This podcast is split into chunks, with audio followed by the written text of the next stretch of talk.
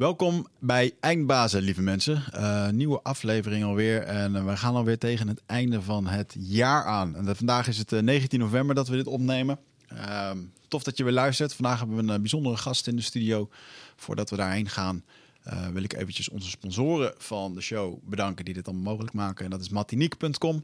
Nette herenkleding. Als je straks met je kerstvuif of feest uh, of Sinterklaasfeest er netjes uit moet zien, dan ga daar eventjes heen.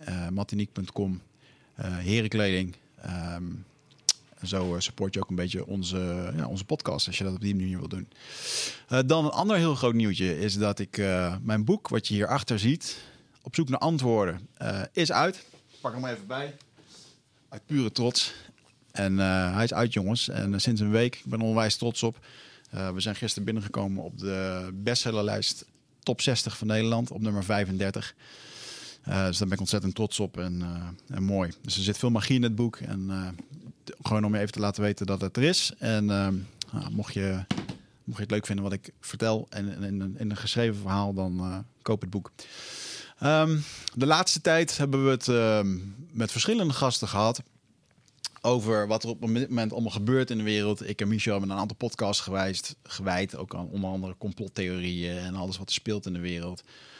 Um, en ik kreeg daar nog wel eens een keertje de opmerking over. Van ja, Wigert, je loopt wel een hele hoop dingen te roepen. maar je kan het niet zo goed onderbouwen. En uh, dan moet ik toegeven, ik ben heel breed georiënteerd. Ik vind het leuk om van alles wat te lezen en uh, tot me te nemen. En dat klopt. Um, ik, ik weet niet alle details. En kan me ook heel erg voorstellen dat de informatie die ik daarom de lucht in strooi soms wat, ja, als wat hagel lijkt. En dat, ja, wat moeten mensen daar dan precies mee? En dat, uh, dat is ook een vraagstuk waar ik zelf mee zit. Ik ben de afgelopen maanden, of de afgelopen maand heb ik mezelf een beetje geïsoleerd van wat er allemaal gebeurt. Uh, omdat ik een boek had uh, wat uitgebracht ging worden, een boeklancering. En daardoor ben ik in een soort van vacuüm terechtgekomen. Um, nu ben ik een beetje uit dat vacuüm en we zijn gewoon weer twee maanden verder. In één keer is er van allerlei in, ja, in gang gezet. Onder andere een spoedwet voor omtrent corona, wat er nu allemaal speelt. En ik weet nog dat ik hier met regisseur Jabbo in de studio zat. En dat wij hier tegen elkaar zaten een paar maanden geleden. En dat we echt dachten, ja, die spoedwet, denk je echt dat dat gaat gebeuren? Nou, ik denk, dat krijgen ze er echt niet doorheen. Nou, we zijn nu een paar weken verder en, en het is zover. Um, en iemand die me daar uh, ja, bij op is gevallen, uh, ben jij, Isa. Isa Kriens, welkom in de studio vandaag. Dank je, wel. Uh, om het eventjes heel kort samen te vatten voor het publiek. Jij ehm, was ambtenaar, eh, senior jurist en voor de overheid. En ja, om een of andere reden ehm, kon jij op een andere manier kijken naar wat er allemaal wordt ja, opgelegd of geregeld vanuit de overheid. en over het juridische stuk. En dat vond ik wel heel erg interessant, want het juridische stuk is namelijk heel erg feitelijk. Ja. En daar wil ik het vandaag ook graag bij houden, van wat gebeurt er nou eigenlijk? En jij weet dat op een hele heldere manier te, te vertellen. En dat vind ik heel erg interessant. Um, dus ik wil, ik wil het vandaag graag eens met je hebben, met, over jouw bevindingen en wat, wat je pad hierin is geweest. dus laat ik dat misschien gewoon als eerste vraag stellen. Um, wat, je werkte bij de overheid en wanneer ging er bij jou iets aan dat je dacht van hé, hey, hier moet ik wat mee? Nou, ik zat tussen twee banen bij de overheid in toen bij mij een, kwartje viel. Ik had toen, was toen weg bij het ministerie van Financiën. Ik had een maandje eigenlijk rust voordat ik zou beginnen bij de gemeente Rotterdam. En in die tijd, ja, ik was een maand thuis. Uh, toen was de opvang weer open. Dus we hadden ook, uh, mijn vriend en ik hadden ook gewoon weer tijd voor onszelf, et cetera. En toen Um, vond ik. Uh, toen, toen, kwam die coronawet in het nieuws. En toen ben ik gewoon die coronawet gaan opzoeken en gaan uitprinten en gaan lezen. Hmm. En eigenlijk kwam die meteen heel erg binnen bij mij. Dat ik dacht, hè? Is dit nou wat ze, is dit nou wat ze voorstellen? Eigenlijk, het was meteen dat ik echt gewoon best wel schrok. Ja. Um, en die eerste versie was, moet ik zeggen, ook wel tien keer erger dan, dan die nu is. Ik ben nog steeds geen fan, alles behalve. Maar die eerste versie was gewoon een machtigingswet voor Hugo de Jonge. Om werkelijk maar alles te doen wat hij nodig vond om ja, in de strijd tegen COVID. Ja. En daar zag ik zoveel openingen in en zoveel open normen. En zoveel kunnen handelen vanuit vrees voor iets. Mm dat ik, dat, dat ik wel meteen voelde van... hé, hey, hier zitten wel heel veel mogelijkheden in... ook voor machtsmisbruik en willekeur. En om dat dan allemaal aan één persoon te geven... daar schrok ik heel erg van. Ja, ja want wij... Wat ik zelf ook merk in mijn omgeving is dat wij... Uh, wij wonen in het pittoreske Nederland... waar uh, nou, wat een vrij vriendelijk land is. Uh, altijd vrij democratisch. Demo democratisch en... het lijkt wel in één keer alsof daar wel een hoop beweging in is. Dat, dat, of de vraag, je kan jezelf af en toe de vraag stellen: van, is het nog allemaal wel zo democratisch? Want zoals ik het nu voor mezelf uh, ervaar, is dat ik kijk naar de overheid en het kabinet omdat ze beslissingen maken en dat ik denk: echt niemand die ik ken is het hiermee eens. Nee. Ligt het dan aan mij of is het gewoon mijn wereld? Of, uh, en, en, en ja, zij zullen dat ook wel ergens op baseren. En ik vind dat dus ook ontzettend moeilijk. Hè? Dus dat een, uh, er zit ook een team van Hugo de Jonge hierover na te denken van oké, hoe kunnen we dit zo goed mogelijk doen? En die komen dan met zo'n plan. dus iemand heeft dan ook daar bedacht van ja, met die eerste wetvoorstel. Iemand heeft daar aan tafel geroepen op maandagochtend van jongens, het zou goed zijn dat we gewoon ergens een deur in mogen trappen en mensen eruit mogen halen. Ja, en laten we, dat, laten we dat erbij zetten. Ja. En dan denk ik, ehm, weet je, ik heb hier een ontzettend mooi gesprek, niet over dit, maar ik heb een ontzettend mooi gesprek uh, in Eindbaas gehad met Jan Lauw, voormalig politicus. En uh, ik weet dat politici nog steeds daar ten rade gaan. Omdat wij werden weggestuurd. Omdat er zou zo meteen een politicus, politicus komen die, uh, die hem advies, uh, zijn advies wilde hebben. En um, ja, ja. een heel mooi ding wat hij daar zei was ehm, uh, dat het heel erg gaat over het morele kompas.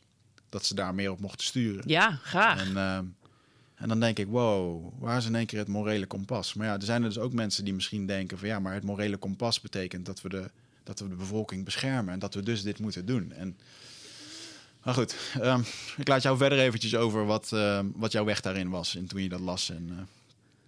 Maar dit is wel wat je zegt, uh, kan ik helemaal volgen. En dat vind ik nog steeds wel lastig. Dat je. Kijk, met die wet, de eerste versie sowieso, zou het hele parlement gewoon terzijde worden geschoven. Hmm. En Hugo de Jonge zei daadwerkelijk in zijn eentje alles mogen beslissen. En dat is niet alleen het team van Hugo de Jonge die dat heeft bedacht en gedacht: God, dat is een goed idee. Dat is, dat is door verschillende onderraden heen gegaan van topambtenaren. Mhm. Vervolgens is dat naar de ministerraad gegaan en hebben alle ministers ook gezegd: ja, goed idee. Wow. Weet je wel? En ik kwam net van het ministerie van Financiën, dus ik wist een beetje ook van dat traject. Dus ik dacht, wauw, weet je, al die ministeries die hierachter staan. Maar wat zeg je eigenlijk? We geven alle macht aan één man en het hele parlement wordt voor, dat was volgens mij of een half jaar of een jaar, ja. buitenspel gezet. En nou, dat heeft voor mij wel echt een vertrouwensbreuk opgeleverd, zeg maar. Ik was alsof ik echt een bak ijs over me heen kreeg. Ja. Ik kan me herinneren dat uh, er werd wel eens wat... Uh um, voorbeeld genomen, ik geloof aan Hongarije. Waar mensen nu in een dictatuur leven waar dit ook het geval was. En daar schijnt het na drie maanden wel weer teruggekeerd te zijn. Dus de afspraak is nagekomen van oké, dit was maar tijdelijk, we geven het nu terug. Um, dus schijnbaar kan dat ook. Het is nog steeds een dictatuur, geloof ik, daar in, in Hongarije. En, um, ja, dat is heel erg lastig om. Want zeker als je een beetje gaat, gaat, als je er heel pessimistisch naar gaat kijken, ja. kan het ook lijken alsof het allemaal tegen je is. Ja. Maar ik kan me niet voorstellen dat um, een hele hoop welwillende mensen op dit moment in het overheid, in het kabinet, tegen de bevolking zijn. Um, maar dat ze dingen aan het doen zijn die ze zelf niet zien. Hè? Want als je in het potje zit, kan je niet op het etiket kijken. Uh, en als dan al die ministers daarvoor kiezen en ook zo'n raad, dan denk ik, wauw man, wat, wat weten wij dan niet dat hun dan weer wel zien of waar zij het wel over hebben? Vind ik echt een hele moeilijke om dat voor mezelf te rijmen. Ja, ja, ik snap helemaal wat je zegt. Ik bedoel, je kan naar, naar elke wet kan je op twee manieren kijken. Als je optimistisch bent, denk je, goh, dat is echt voor ons bescherming. Als je pessimistisch bent, dan zie je gewoon een hoop mogelijkheden om gewoon de sjaak te zijn, eerlijk gezegd. Mm. Um, maar ja, ik heb ik heb daar.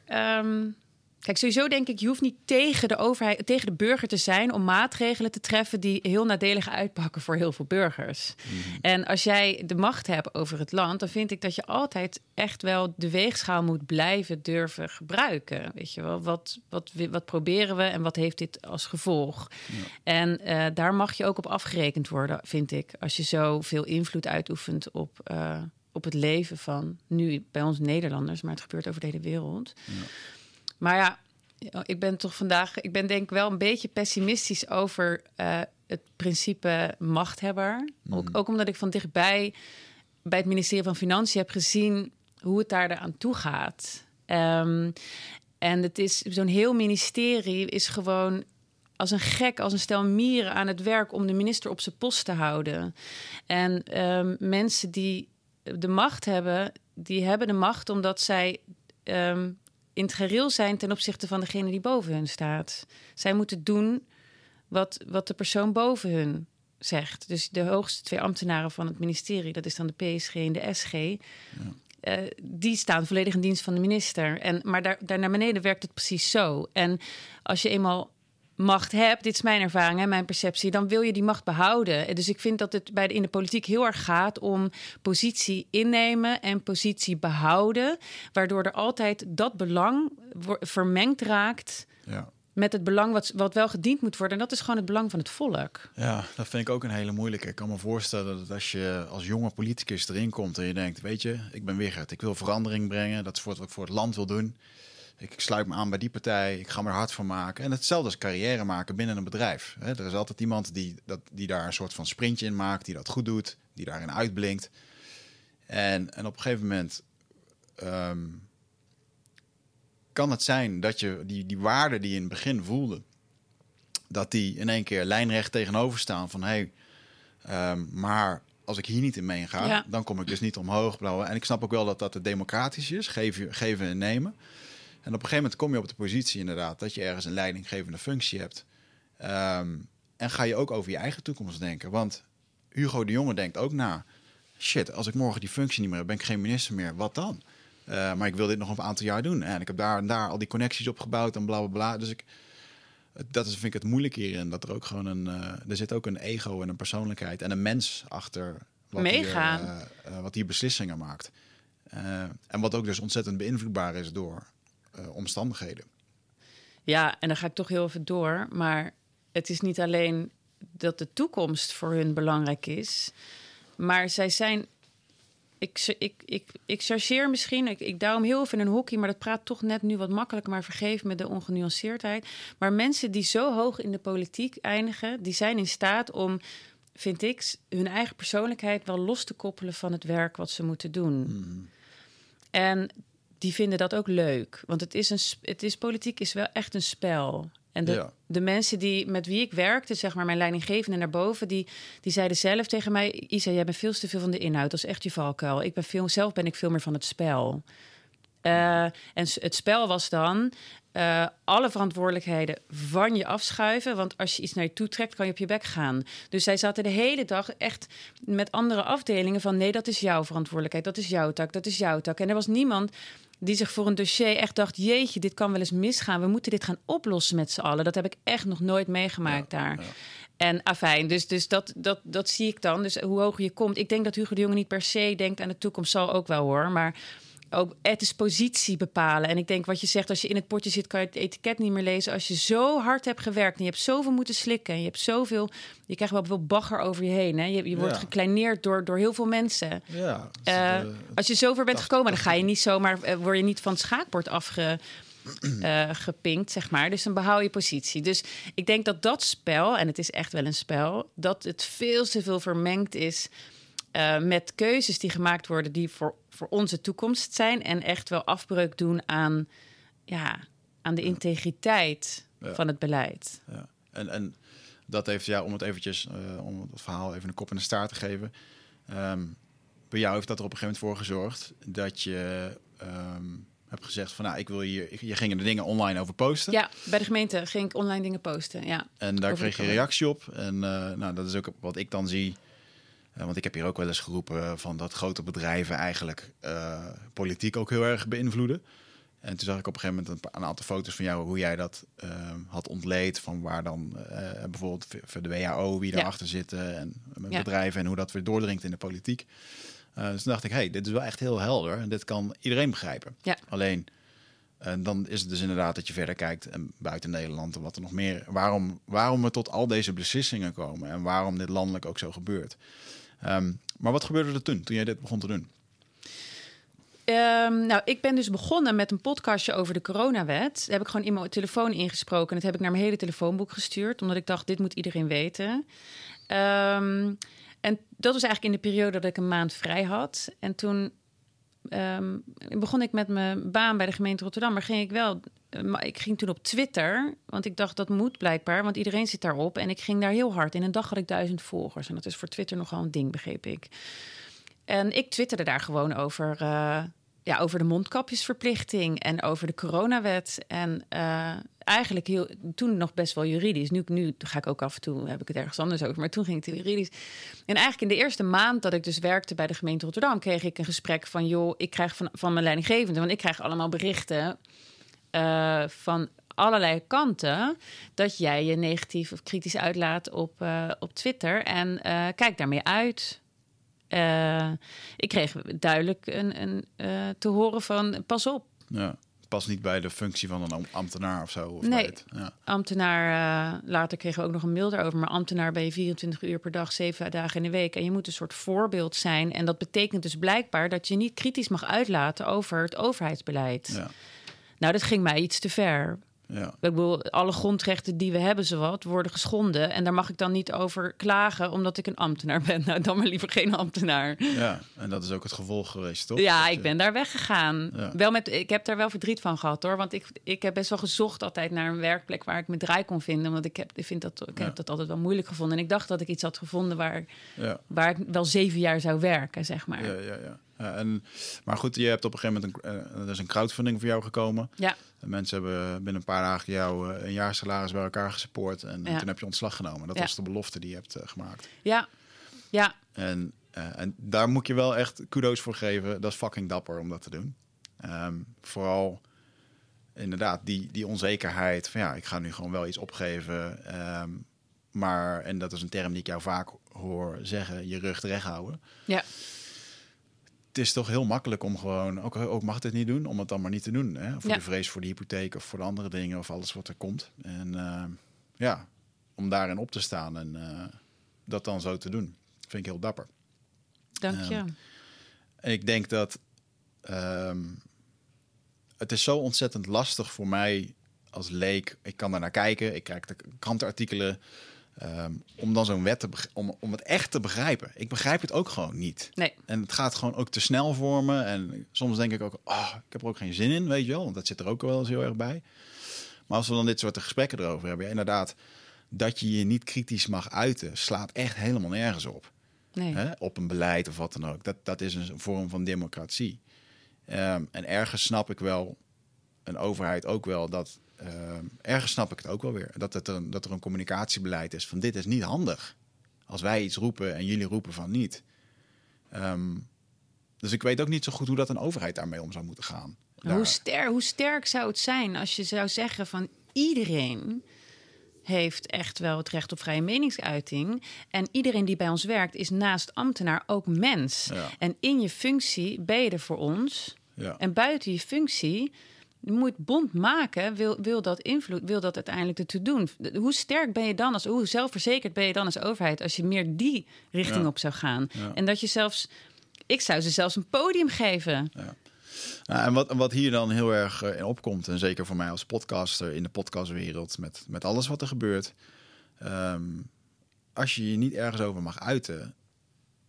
eh, als ik straks tegen mijn dochtertje van 2,5 zeg: eh, je- je mag hier niet over praten. Dat klinkt heel raar. Ja. Dat klinkt heel vreemd. Hoezo, hoezo dan niet? Ja, daar mag niet over gesproken worden. Klinkt een beetje als een soort doofpot waar het dan in gaat. Ehm, eh, mensen praten dan wel over censuur en dat soort dingen. Daar hebben wij ook mee te maken. Eh, in de zin van, ik, we kunnen bepaalde titels niet geven aan filmpjes, want dan wordt het eh gedemonetized of het wordt sterker nog, mensen worden geband. En, ehm, eh, en ergens geeft dat ook, geeft mij ook een schrikreactie. Want ik zie nu dat eh, podcasters in Engeland geband werden. Dat is gewoon digitaal gewist. Dan denk ik, oh fuck, Ja. dat kan dus gewoon. Ja. En ehm, dit is wel, eh, ik vind dit leuk, dit is belangrijk voor me. En dan, ga ik, en dan zitten bij mij gedachten van ja, mm, en, en straks bij ons dan gebeurt dat ook, weet je wel. En dus ik vind dat wel een hele lastige waar we dan, eh, waar we dan in komen. Ehm, maar goed, voordat we eventjes dat pad op gaan, wil ik nog eventjes terug naar de spoedwet. Want Ja. de spoedwet is natuurlijk, nou, er is een hoop commentaar op geweest. Ik vind het ook mooi dat daar wordt dan ook naar geluisterd. Um, het voelt soms een beetje voor mij alsof, alsof men probeert een knuppel in het hoenderhok te gooien. Kijken wat er gebeurt. En op basis daarvan maken we een nieuwe soort tweede stap. Ik weet niet of dat strategie is of dat, dat of het gewoon politiek spel is. Ik denk ook niet dat ik me eerder zo erg in de politiek heb gemengd als dat ik nu heb gedaan. Uh, hoe, hoe is dat voor jou? Is dat zo? Gebeurt dat? Of? Ja, ik denk dat. Kijk, uh, uh, dat zal ik nooit zeker weten. Maar ik zie wel een patroon met um, eigenlijk gewoon schrikbeelden de wereld in helpen. Eerlijk, eerst zeg maar, het liefst nog plannen lekken. Ja. Kijken wat de reactie is. Ja. Uh, dan in dit geval een draak van een wet voorstellen. Komt ontzettend veel protest, maar echt wel uit de uh, gerenommeerde hoeken. Hè? Dus de Raad voor de Rechtspraak had op dat eerste concept grote bezwaren. De Orde van Advocaten, uh, Raad van State. Gewoon, dat zijn de grote jongens die zeiden: dit kan niet. Ja. En dan nog uh, uh, zou ik me kapot schamen als ik zo'n wet had ingediend, zeg maar. Maar ze probeerden dat nog best wel. De, de tweede versie, mm. die zeiden ze van: nou, je herkent hem niet meer terug. Dit is een volledig andere wet. Helemaal anders, zeiden ze. Maar dat was helemaal niet, was helemaal niet zo. En ik lees die dingen. Uh, het verschil was dat we van in plaats van dat één minister alles mocht bepalen, waren het er drie. Ja. Nog steeds zonder instemming van het parlement. En uh, nou, ik heb een actie op touw gezet om alle Tweede Kamerleden te mailen met van ik wil die spoed, het coronawet noem ik hem, want het is niet echt een spoedwet.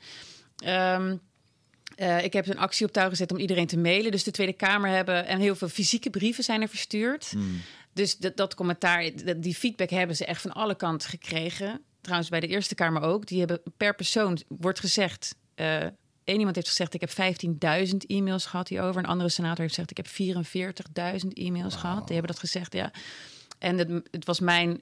Ik was toen de enige die die actie uh, ja. had gedaan. Dus ik denk dat het echt wel om mijn brief gaat. Dus jij ze nu nog aan het beantwoorden? ze zijn helemaal gek geworden van die mails. Echt, uh, ze vonden het ook echt niet leuk. Hmm. Maar als je dan gaat kijken wat voor trans, uh, transitie die wet heeft doorgemaakt, is dat er toch uiteindelijk in de Tweede Kamer is er dan een amendement, dus een aanpassing voorgesteld. Dat in plaats van dat alleen die drie ministers gezamenlijk de keuzes mochten maken, er als, um, als zij een, als die drie ministers zeggen: we willen dit, dan mag de Kamer mag zeggen wij willen hierover meestemmen. En als 50 mensen van de 150 mensen zeggen: wij willen hierover stemmen, dan moet er eerst gestemd worden voordat het door mag gaan. Snap je hem? Klinkt, klinkt voor mij niet heel onredelijk. Het is uh, technisch gezien, het is een nieuwe constructie. Ik bedoel, Mhm. we kennen dit in principe niet. Um, maar het, je kan het democratisch noemen. Dus als je een derde, ja. van, als je een derde van de Kamer zegt... we willen hierover stemmen, dan wordt er gestemd. Dat is in principe democratisch. Ja. Um, een paar kanttekeningetjes is dat het allemaal binnen een week... de, de, de, de tijdslijn is heel strak. Ja, maar dus, ik denk dat dat... Oké, okay, maar dat kan ik dan wel... dat in een tijd van, uh, van waar we leven, ja. spoed... kan me daar wel wat van uh, mee voorstellen. Dat. Ja, ik, ik op zich ook. Uh, wat ik zeg, ik was, ik was heel blij met dat amendement. Want dat, dat zorgde ervoor dat überhaupt de tweede, of de, dat de, het parlement iets te zeggen had. Hè? Ja. Iets. Dus dat is op de valreep. Ja. Echt op de valreep is dit doorgevoerd. Um, nou, dus de optimisten zeggen yes, democratie. De pessimisten zeggen uh, de ruime meerderheid van de Tweede en Eerste Kamer was voor die wet. Dus het zal niet zo heel ingewikkeld zijn om een meerderheid van stemmen te halen voor al die regelingen die worden voorgesteld. Maar afijn, dat is out of our hands. Dat gaan we zien, hoe er wordt gestemd. Um, uh, dan heb ik nog een beetje de hoop, omdat straks de Tweede Kamerverkiezingen komen, dat. Um, ja, dat, dat de publieke opinie toch invloed gaat uitoefenen, eindelijk, op, op het gedrag van de Tweede Kamerleden. Zodat ze uh, misschien een beetje rekening houden met een achterban als er weer gestemd moet worden over ja. iets. Dat hoop ik. Ja, dat vind ik een hele interessante. Ik had het er gisteren over met, uh, met Michel, uh, die normaal hier ook aanwezig is. Um, en die zei wel iets interessants van. Ik denk dat het over drie maanden, dat er, dat er binnen nu en drie maanden heel veel dingen heel snel ten positieve gaan veranderen. Ah, want. Want de, uh, nou, want de verkiezingen komen eraan. Ja. Dus hoe mooi zou het zijn als we straks kunnen zeggen... jongens, wij hebben dit wel even gefixt binnen een jaar. Onze partij, die heeft dit gedaan. En, um, en, en de andere zijde hoor ik... er wordt ook al gezegd van... moeten we de verkiezingen niet even opschuiven in deze tijd van... Uh, dat is ook al een keertje ergens geopperd, heb ik dat gelezen. Dan denk ik, ja, dat is wel heel erg gemakkelijk. Um, ja, either way... Is er wat voor te zeggen? Ja, uh, ik voel me een enorme pessimist.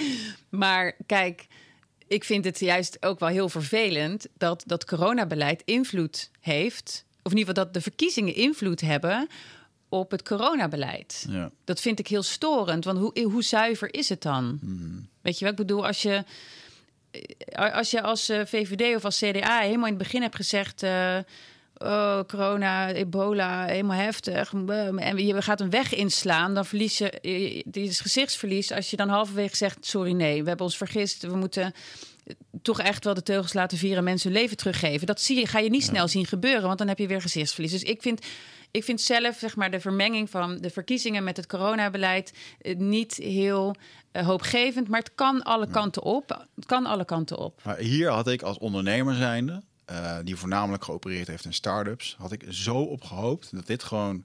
Ik snap dat er in het begin van dit alles was er paniek. Iedereen maakte zware beslissingen of maakte beslissingen. En dat we dan gewoon na een maand kunnen zeggen, net zoals dat wij, ik dat hier doe hier met mijn team in het kantoor, van jongens, we hebben nu deze weg ingesloten. Dit, dit leek ons de beste weg. We hebben dit nu vier weken geprobeerd. En sommige dingen hebben niet gewerkt. We moeten dit anders doen en vanaf nu gaan we dat doen. Dan denk ik, dit is voortvarend leiderschap. Dit is authentiek. In plaats van zeggen, nou, we hebben toen die beslissing gemaakt. We gaan dit wel nu gewoon doorzetten ten koste van alles. En ik denk, uh, als er nu een politiek partij zou zijn die, die dit zo zou zeggen, nou, take my money, alsjeblieft, weet je wel. Ja. Dat is gewoon waar, nu, waar iedereen nu op zit te wachten. Ja. Gewoon de waarheid ook. Ja. Ja. ja, goed. En dan is er natuurlijk de waarheid, vind ik ook een bijzonder fenomeen. Ehm, ja. Want uh, in het boek van George Orwell beschrijft hij dat heel mooi. Daar heb je het ministerie van waarheid die eigenlijk bepaalt hoe dat dingen geframed worden. En, en een van de scènes die hij al vrij snel beschrijft, is dat hij, hij moet krantenartikelen uh, moet hij veranderen. Dus krijgt op een, een of andere gesloten afdeling krijgt hij allemaal van die dingen die hij dan moet aanpassen, zodat het allemaal klopt achteraf. Um, en dat hij dus wel in de transitieperiode zit, wanneer dit wordt geïnstalleerd, dat hij bij zichzelf ten rade gaat van ja, maar 30 jaar geleden, ik weet niet eens wat hier 30 jaar geleden gebeurde. Zo, zo uitgewist is het al. Uh, en nu, wat, waar ik me heel erg aan stoor, want ik een, uh, een groot gevaar voor de democratie vind, is die, die, die ik geloof de WOP-wet voor de journalisten. Ja. Journalisten krijgen geen inzage meer in wat, waarom overheden beslissingen maken. Volgens mij zeg ik het zo goed. Dat ja, het is niet alleen voor de journalisten, het is wet openbaar het bestuur. Iedereen uh, kan vragen, joh, overheid, geef even uh, deze en deze stukken, want ik wil zien waarop jullie je baseren. Openbaar bestuur, alsjeblieft. En, en, wereldwijd stonden wij daarin op een hele hoge positie met uh, hoe dat, dat bij ons ging, gelukkig. Hè? Dat, dat, er, dat een parool of een, of een geen stijl of wie dan ook, dat daar, die daar artikelen over kunnen schrijven, pro ja. of, of voor, voor of tegen. En nu is dat gewoon weer aan de, kant gezet. In de onder de mom van er is te veel druk op de ambtenaren dan. Ja. Maar we zijn wereldwijd dus in één keer gezakt op het nationale lijstje van uh, op het internationale lijstje van het uh, democratisch. Ja. ja, dus nu, juist nu, en zeg maar, wat er gebeurt nu is, is ongekend. De keuzes, de, de, de gevolgen. De, de keuzes van het beleid van de overheid heeft in, in, mijn geschiedenis al nooit zoveel impact gemaakt op het, op het leven van, van, van ons, van het volk, van de burgers. En wij mogen nu geen uh, toegang tot, uh, uh, tot de stukken die daar aan ten grondslag liggen. Wij krijgen geen transparantie, juist nu dat wat ze doen zo belangrijk is. Dus dat is natuurlijk een heel nare tendens, ja. vind ik dat. Ja, vind ik ook. Je maakt beslissingen die want in alle eerlijkheid, normaal wordt, maakt de politiek beslissingen. Gaat dat in een, in een 1% omhoog of omlaag. En, en, het leven gaat gewoon door. Maar nu gaat er gewoon in één keer rigoureus worden de dingen. Onze vrijheid, onze bewegingsruimte. Worden nu beslissingen ingemaakt. Maar we weten niet op, ten, op en ten gronde van wat. Er wordt voor 3 miljard aan uh, shit gekocht of miljoenen. En er wordt dan in één keer staatsgeheim. Ja. Weet je, en dan, ja, ja. sorry. Maar wij betalen hier wel voor. Ja. En, en ja ik vind het heel erg naar om dan te zeggen dat uh, dat, dat gewoon niet netjes is van een. Uh, van ook. Maar het gebeurt wel. En ik vond dat heel erg mooi in je, in je speech. Die je onlangs op het, uh, waar was het in, Museumplein. in Amsterdam Museumplein gaf. Waarin je zegt dat op het moment als je dit soort dingen begint te zien, dan is dat best wel eng. Ja. Een ander ding is dat als je dit soort dingen begint te zien, dat je het ook niet meer kan ontzien. Nee. Um, en, en, en ik denk ook dat er een bepaalde waakzaamheid is die van, die van extreem naar gewoon gezond kan gaan. Hè? En, en dat is natuurlijk wel heel erg wat er ook gebeurt, ook met social media. Dat, dat als je heel veel naar de extreme zijde kijkt, dan krijg je ook alleen maar dat. En dan lijkt het ook helemaal alsof je wereld. Ik bedoel, die documentaire, de Social Dilemma, heeft echt even mijn ogen geopend. Waarom ik hier af en toe bekvechtend met Michel in de studio zat. Dat ik echt dacht, waarom zie jij dit niet? En hij dacht dat bij mij. Maar ja, als je alle twee naar een andere kant zit te kijken, dan zie je dus ook dat, alleen maar dat. Ehm, maar ik vind het wel een. Uh, ja, ik vind het wel een hele, uh, hele interessante om hier eens. Wat, wat, is jouw mening erover? Als ik dit zo. Uh, als je mij hierover hoort kletsen. Over alles wat je net hebt gezegd? Nou, eventjes het stuk over. Um, dat. Nou, laat ik het even laat ik het verfijnen. het begon eventjes over het feit dat je toen zei van. dat die realiteit best wel eng is. Ja. En dat sommige mensen dat niet willen zien. En de realiteit is ook dat het verder gaat dan alleen Nederland. En voor mij, om het even bij de feiten te houden, vind ik het dan altijd heel erg fijn om uh, het geld te volgen. Follow the money. Het is overigens ook trouwens een fantastisch platform. Follow the money is een betaald. Shout-out naar jullie jongens. Uh, uh, naar uh, platform. platform waar ze journalistiek, waar ze gewoon inderdaad het geld volgen. Omdat dat vaak een hele hoop aangeeft van wat er gebeurt. Ja, maar dit onderwerp hebben ze nog niet echt aangeroerd. Dus bij deze een shout-out naar Follow the Money om eventjes... Uh, ja, om daar wat mee te doen, ja. ja. En, um, en, ik, uh, en ik roep dan wel eens... Uh, ja, we leven nu op de, in de grootste levende marketingcampagne van de farmaceutische industrie. En dan zeggen mensen, ah, valt wel mee. En dan denk ik, ja, maar als je het geld volgt... Um, dan kom je toch uiteindelijk daaruit. En, ja. En dat betekent dat je buiten Nederland gaat kijken, dat je naar wereldniveau gaat kijken. Want er is een reden waarom wij op wereldniveau allemaal op hetzelfde acteren, waarom landen elkaar kopiëren. Dat vind ik ook overigens een hele gevaarlijke, want ik snap ook waarom politici beslissingen maken. Want je zult het maar doen als bijvoorbeeld een Zweden. Ik zeg niet dat het goed of fout is, maar dat je andere beslissingen maakt, krijg je heel de wereld over je heen. En dan moet je je rug recht voor kunnen houden, weet je wel. Dus er zit ook echt een, uh, een kopieergedrag in. En een, uh, ja, ik vind het wel een. Uh, Um, wat, wat, waren jouw bevindingen uh, met dit? Want je bent daar gaan zoeken, je begon in Nederland en uiteindelijk. Ja, ik begon met die, met die coronawet, dat ik echt dacht, wat is dit? Toen ben ik ook uh, in die tijd, uh, zag ik Willem Engel wel eens voorbij komen op tv. En dat was, iedereen had het daarover, maar best was het ook best wel een lading op. En ik ben dan gewoon nieuwsgierig van wat gebeurt daar eigenlijk, weet je wel. En hij had toen met zijn advocaten dan de staat gedagvaard. En uh, ik heb gewoon die dagvaarding gelezen. Mm -hmm. Van wat zegt hij eigenlijk? Ah. En dat was best wel een flink pakket. Ik denk dat er weinig mensen zijn die hem hebben gelezen. Want als iedereen hem zou hebben gelezen, dan zou die, zouden ze nu denk ik ook wel anders over hem denken. Want als je gewoon de feiten bekijkt die hij aanvoerde in de dagvaarding in juni, dan zat hij gewoon best wel heel erg dicht bij wat er nu allemaal is uitgekomen, zeg maar. En dan heb ik het over de PCR-test en over de status van, van uh, de A-status van corona en uh, de IFR, dus de, de, mortaliteit en zo. Dat stond daar allemaal in.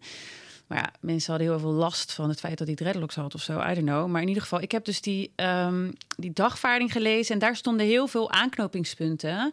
Uh, van zijn onderzoek. En dat leidde me tot de WHO uh, en vooral ook tot de International Health Regulations.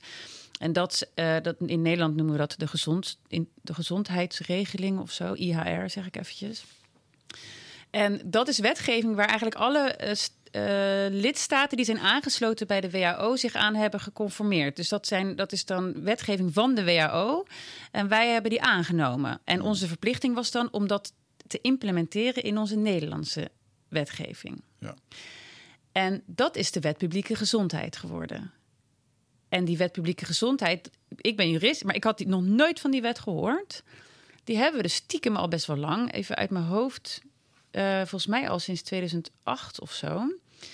Um, maar nog, voor mij nog nooit actueel geweest. En uh, ik schrok best wel van wat er in die wet stond. Want eigenlijk stond daar dus gewoon van als een bepaalde ziekte de status A krijgt, wat dus bij uh, Pandemie, co corona is gebeurd, dan krijgt eigenlijk een beetje de, de, de, de, krijgt de WHO een beetje de coördinatie over alle 192, 196 lidstaten ja. die zijn aangesloten. Dus ik zag toen eigenlijk gewoon op papier de invloed en de rol en de macht van de WHO. Ja. Uh, management oogpunt klinkt dit als een redelijk ja. oké okay, uh, initiatief.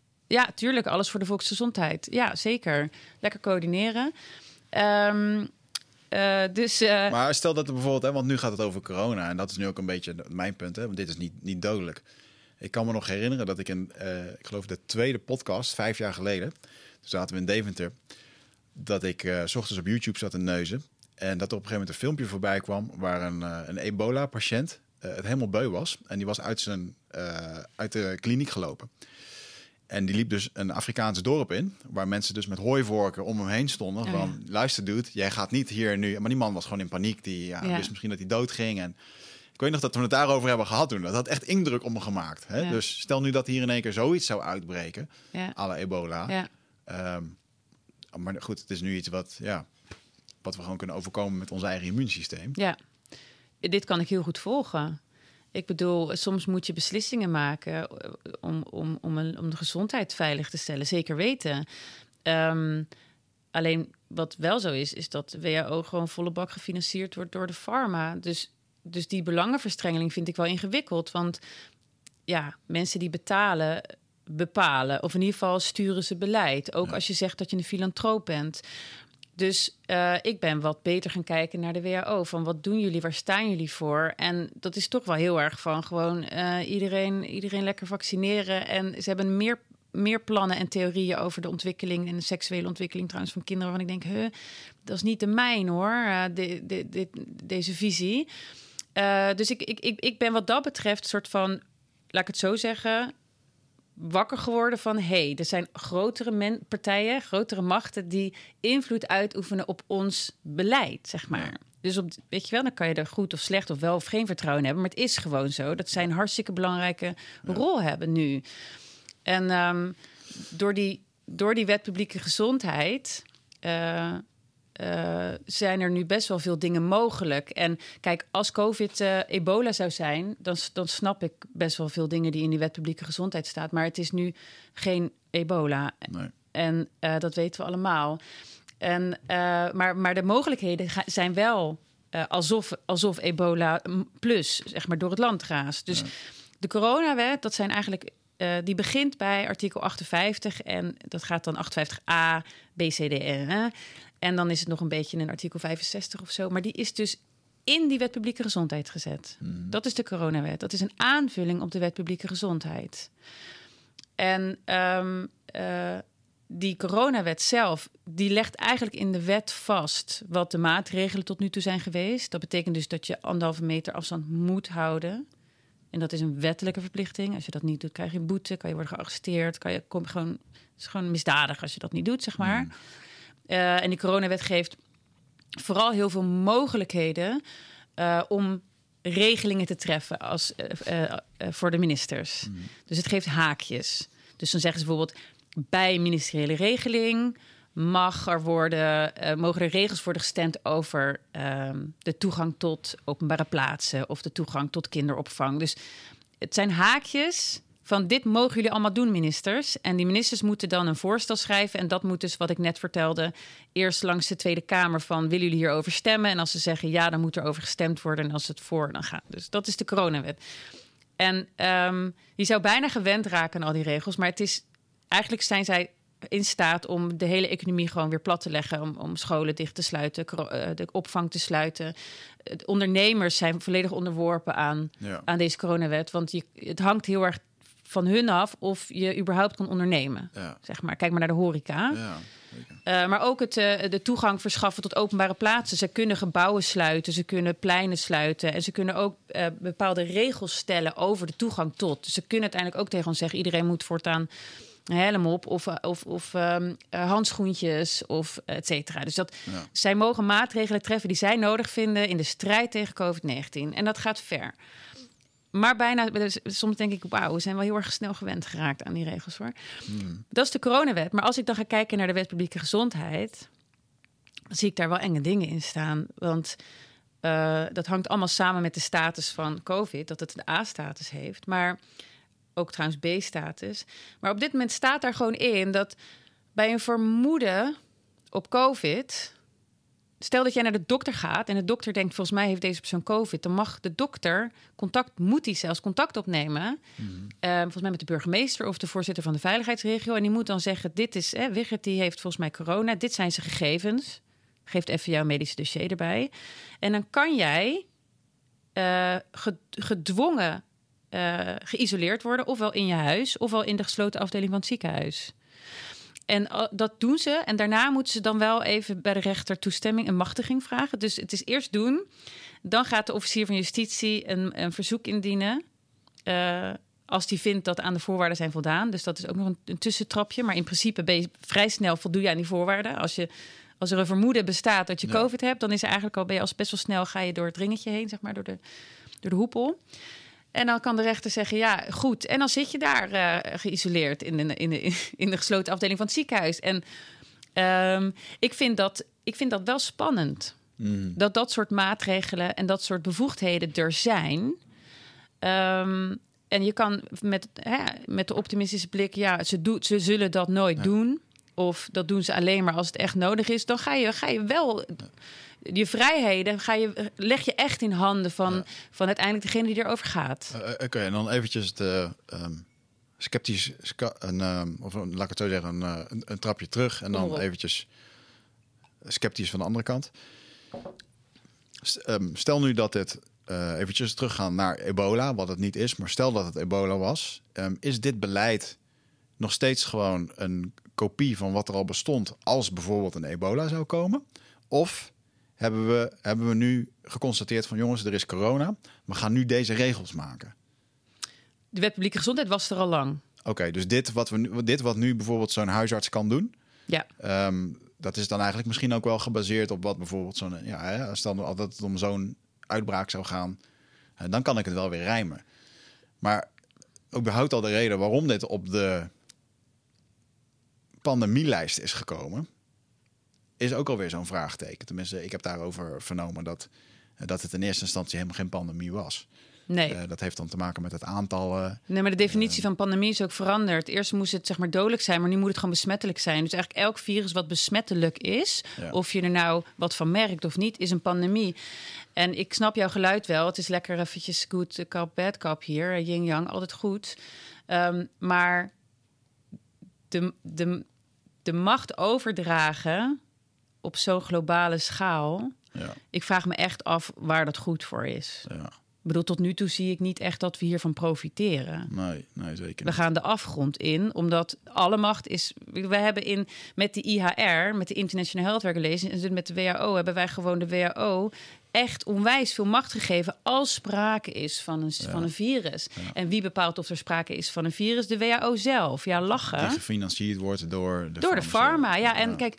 Som, het is zo, weet je, het wordt gefinancierd, er is belangenverstrengeling en we moeten daar kritisch op, ja. op zijn, punt. Ja, en daar zit gewoon een heel, als mensen zeggen van nou, dat, dat, uh, dat zal wel meevallen. Kijk, als er gewoon 300 miljoen ergens in wordt gepompt, dan is dat met een reden. Ik bedoel, een, een bedrijf, het doel van een bedrijf is winst maken. Ja. En uh, daar kun je van vinden wat je wil, maar uiteindelijk is dat gewoon zo. Uh, anders ben je geen bedrijf. Anders heeft het ook geen bestaansrecht. En um, ja, als je dan gewoon ziet wat daar allemaal in wordt gepompt, inderdaad. Dan als ik ergens 300, als ik nu de VVD 150 miljoen geef, omdat ik ze support, dat doe ik met een reden. Ja. Niet omdat ik iemand daar aardig vind of dat ik vind dat ze goed voor Nederland zijn. Nou, dat is ook eigen belang om zelf te kunnen groeien. Uh, onlangs hoorde ik iemand die, uh, die zei dat als wij nu in Amerika een bedrijf oprichten en um, wij willen bijvoorbeeld democraten, uh, uh, democratische invloed daarin of republikeinse invloed. Dan is het heel makkelijk om met een bepaald fund wat we hebben, ik zeg 50 miljoen of 100 paar honderdduizend, om iemand in het Witte Huis te vinden waar we dat aan kunnen geven. Omdat ze we kunnen supporten met een bepaalde zaak die invloed heeft op een bepaalde wetgeving. Lobbyen. Dat, ja, dat, dat heet gewoon. Daarvoor heb je ook lobbyisten. Ja. Uh, ik geloof dat in, in het Witte Huis in Amerika zitten, ik dacht, iets van 280 mensen lobbyisten van de pharma. Ja. En lobbyisten zorgen er onder andere voor dat, dat uh, de, de luchtvaart hier in Nederland dikke subsidies krijgt. Maar ik weet zeker dat als er in het Nederlandse kabinet net zoveel lobbyisten zaten als voor de luchtvaart, als voor de kunstsector, ja. dat er nu hele andere beslissingen werden gemaakt. Ja. En uh, dat is wel echt. Uh, en ik denk zo is het altijd gegaan in de, in de historie van, uh, van democratie, uh, overheden, et cetera. Maar dat is wel echt, nu komt het wel op een punt dat het zo doorzichtig wordt. Um, dat ik dan denk van ja, dit is inderdaad niet meer, uh, dit is niet meer gezond. Zit jij vaak in je hoofd eh, neem je heel veel informatie tot je, video's, podcasts, boeken. Eh, nou, voel je niet schuldig, dat doen heel veel mensen natuurlijk. Hè, maar vaak zijn we op zoek naar antwoorden. Ehm, gaan we nog meer informatie tot ons nemen, terwijl ja, de antwoorden liggen toch echt in onszelf. En dat is iets wat we voelen met ons lichaam. Maar vaak zijn we zo erg in ons hoofd bezig ja, dat we dat ook niet meer, dat we daar niet meer echt goed bij kunnen. En dat is graag waar ik je voor uit wil nodigen. Voor Ride of Passage. 24, 25 en 26 mei is er weer een nieuwe editie. Voor mijn retreat voor persoonlijke ontwikkeling. Waarbij het thema echt is om uit het hoofd te komen in dat lichaam. Want dat is waar je alles ervaart. En ik wil dat je gewoon weer in contact komt met, met die, die intuïtie.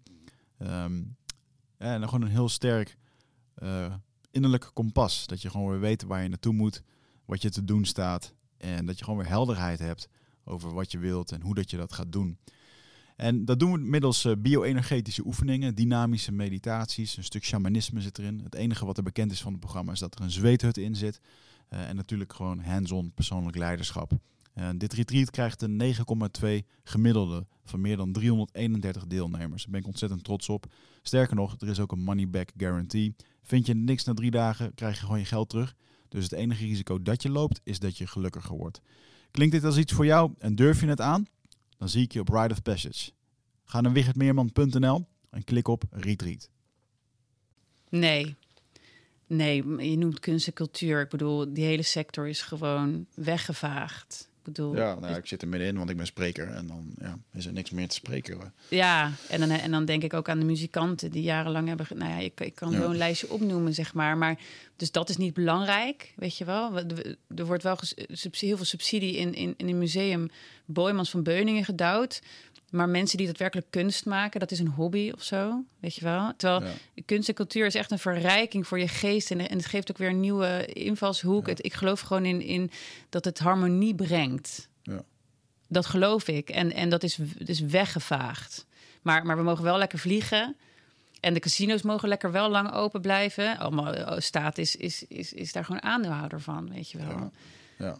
Dus ja, kijk, en dit stukje bewustwording, zeg maar dat heb ik wel. Het is in, in de afgelopen half jaar pas bij mij gekomen dat ik.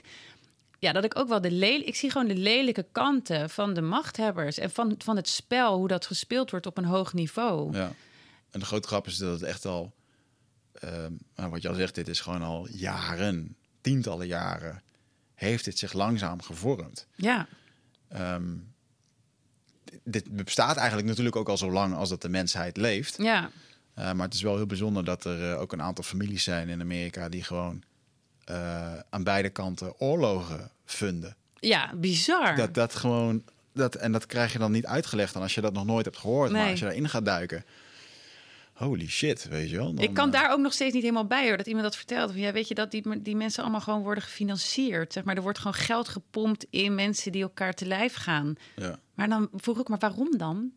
Weet je, ja, waarom dan? Oorlog dus. Oorlog is geld. En oor er zijn een aantal dingen die gewoon altijd goed, te goed hebben gedaan. Uh, uh, oorlogje spelen. Farmaceutische industrie. Ja. En, en, ik noem de farmaceutische industrie iets anders dan de gezondheidszorg. Ja, ik ook. Want ik viel bijna van mijn stoel af toen er van de week werd geroepen dat je een half uur naar buiten moest om te bewegen. Dat dat goed voor je immuunsysteem was. en dan denk ik, ja, we hebben hier heel veel gezondheidsexperts. En ik zit natuurlijk zelf ook allemaal in de gezondheid.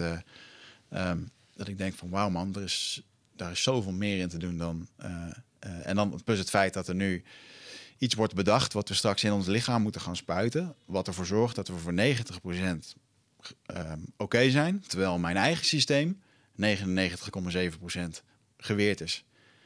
En dan denk ik, oké, okay, wat, wat klopt hier nou niet in, weet je wel? Dit ruimt voor mij gewoon niet lekker. Nee. En, en, en dan zie je toch dat er, zoals ik er nu naar kijk, voeren onze politici nu dus opdrachtjes uit van iets wat wereldwijd wordt besloten, waar wij qua geld maar een minimum aandeel in hebben, want wij geven er wel, ik geloof dat we 150 miljoen aan hebben gegeven nu weer. En, dus het valt wel mee wat we er landelijk aan geven. Ja, we, we vinden wel heel erg. We zitten best wel hoog in de lijst van uh, bij WHO, hè? de okay. Gavi. En we, we, geven flink veel geld aan, aan, aan, daarboven, zodat ze ons gezond kunnen maken met vaccinaties. Ja, exact. Oké, nou goed. Of dat goed of fout is, dat, dat mogen mensen voor zichzelf uh, bepalen. Um, en ik denk nu met de rush die er ontstaat, is dat, uh, dat dat de oplossing is. Maar waar ik eigenlijk nog veel meer van schrok, en daar wil ik het wel eens met je over hebben. Um, er wordt nu gezegd van totdat, totdat het vaccin er is, ehm, kunnen we niet terug naar normaal. Ehm, vond het ook heel erg bijzonder dat eh, iemand daar op televisie heel erg aanwezig was, die, die in één keer daar schijnbaar alles over te zeggen heeft. Een van de grootste funders van de WHO. Directeur van een heel groot computerbedrijf. Ehm, maar goed, dat is prima als die daar helemaal in zit en eh, die heeft daar ook twintig jaar ervaring mee, dan eh, zal dat wel. maar schijnbaar heeft hij dat. Ehm, maar wat ik dan heel erg bijzonder vind is dat, dat er in één keer een red race wordt gevochten. Uh, van dit moet nu snel en het kan af. En ik snap ook dat nu is die, die spoeter en dat het dan in één keer kan. Maar het is toch gewoon te snel. Want er is gewoon iets. Um, dan moet ik eventjes uh, Tibor uh, kudo's geven als je dit hoort. Die uh, wijs, verwijst altijd naar drie verschillende vragen van een, een bekende wetenschapper. Oh ja. En eventjes als je gewoon weggaat van de emotie. Van wat zijn nu gewoon de feiten?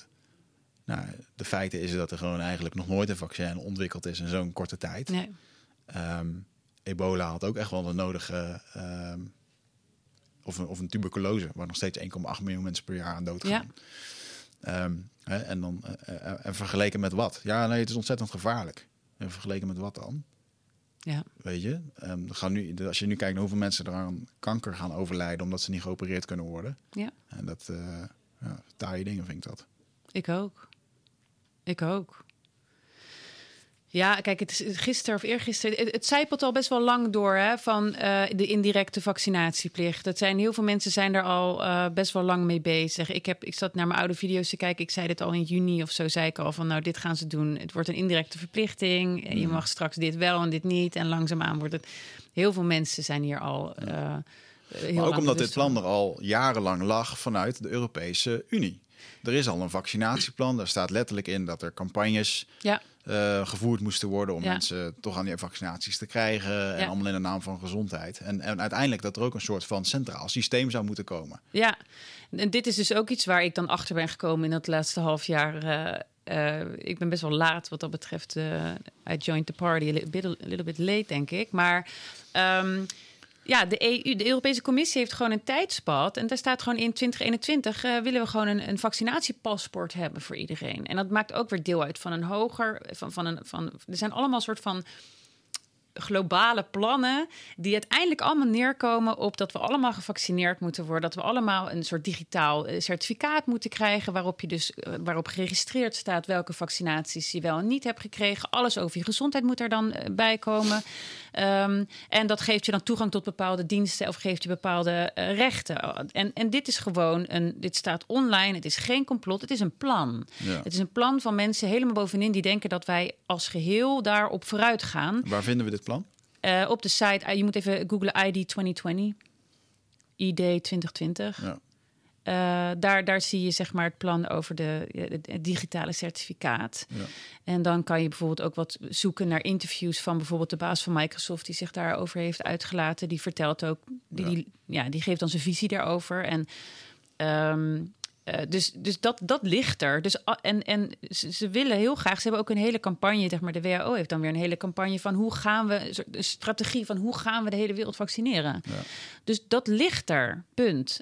En, uh, uh, ja, en, en dat zijpelt door in, in, onze, in het beleid van onze uh, Rutte en de, en de jongen. En, en dat komt niet en erg, dat komt ergens vandaan, snap je? Dus dat wil ik wel, dat probeer ik wel mensen nu mee te geven. Van kijk naar boven, weet je, kijk hoger.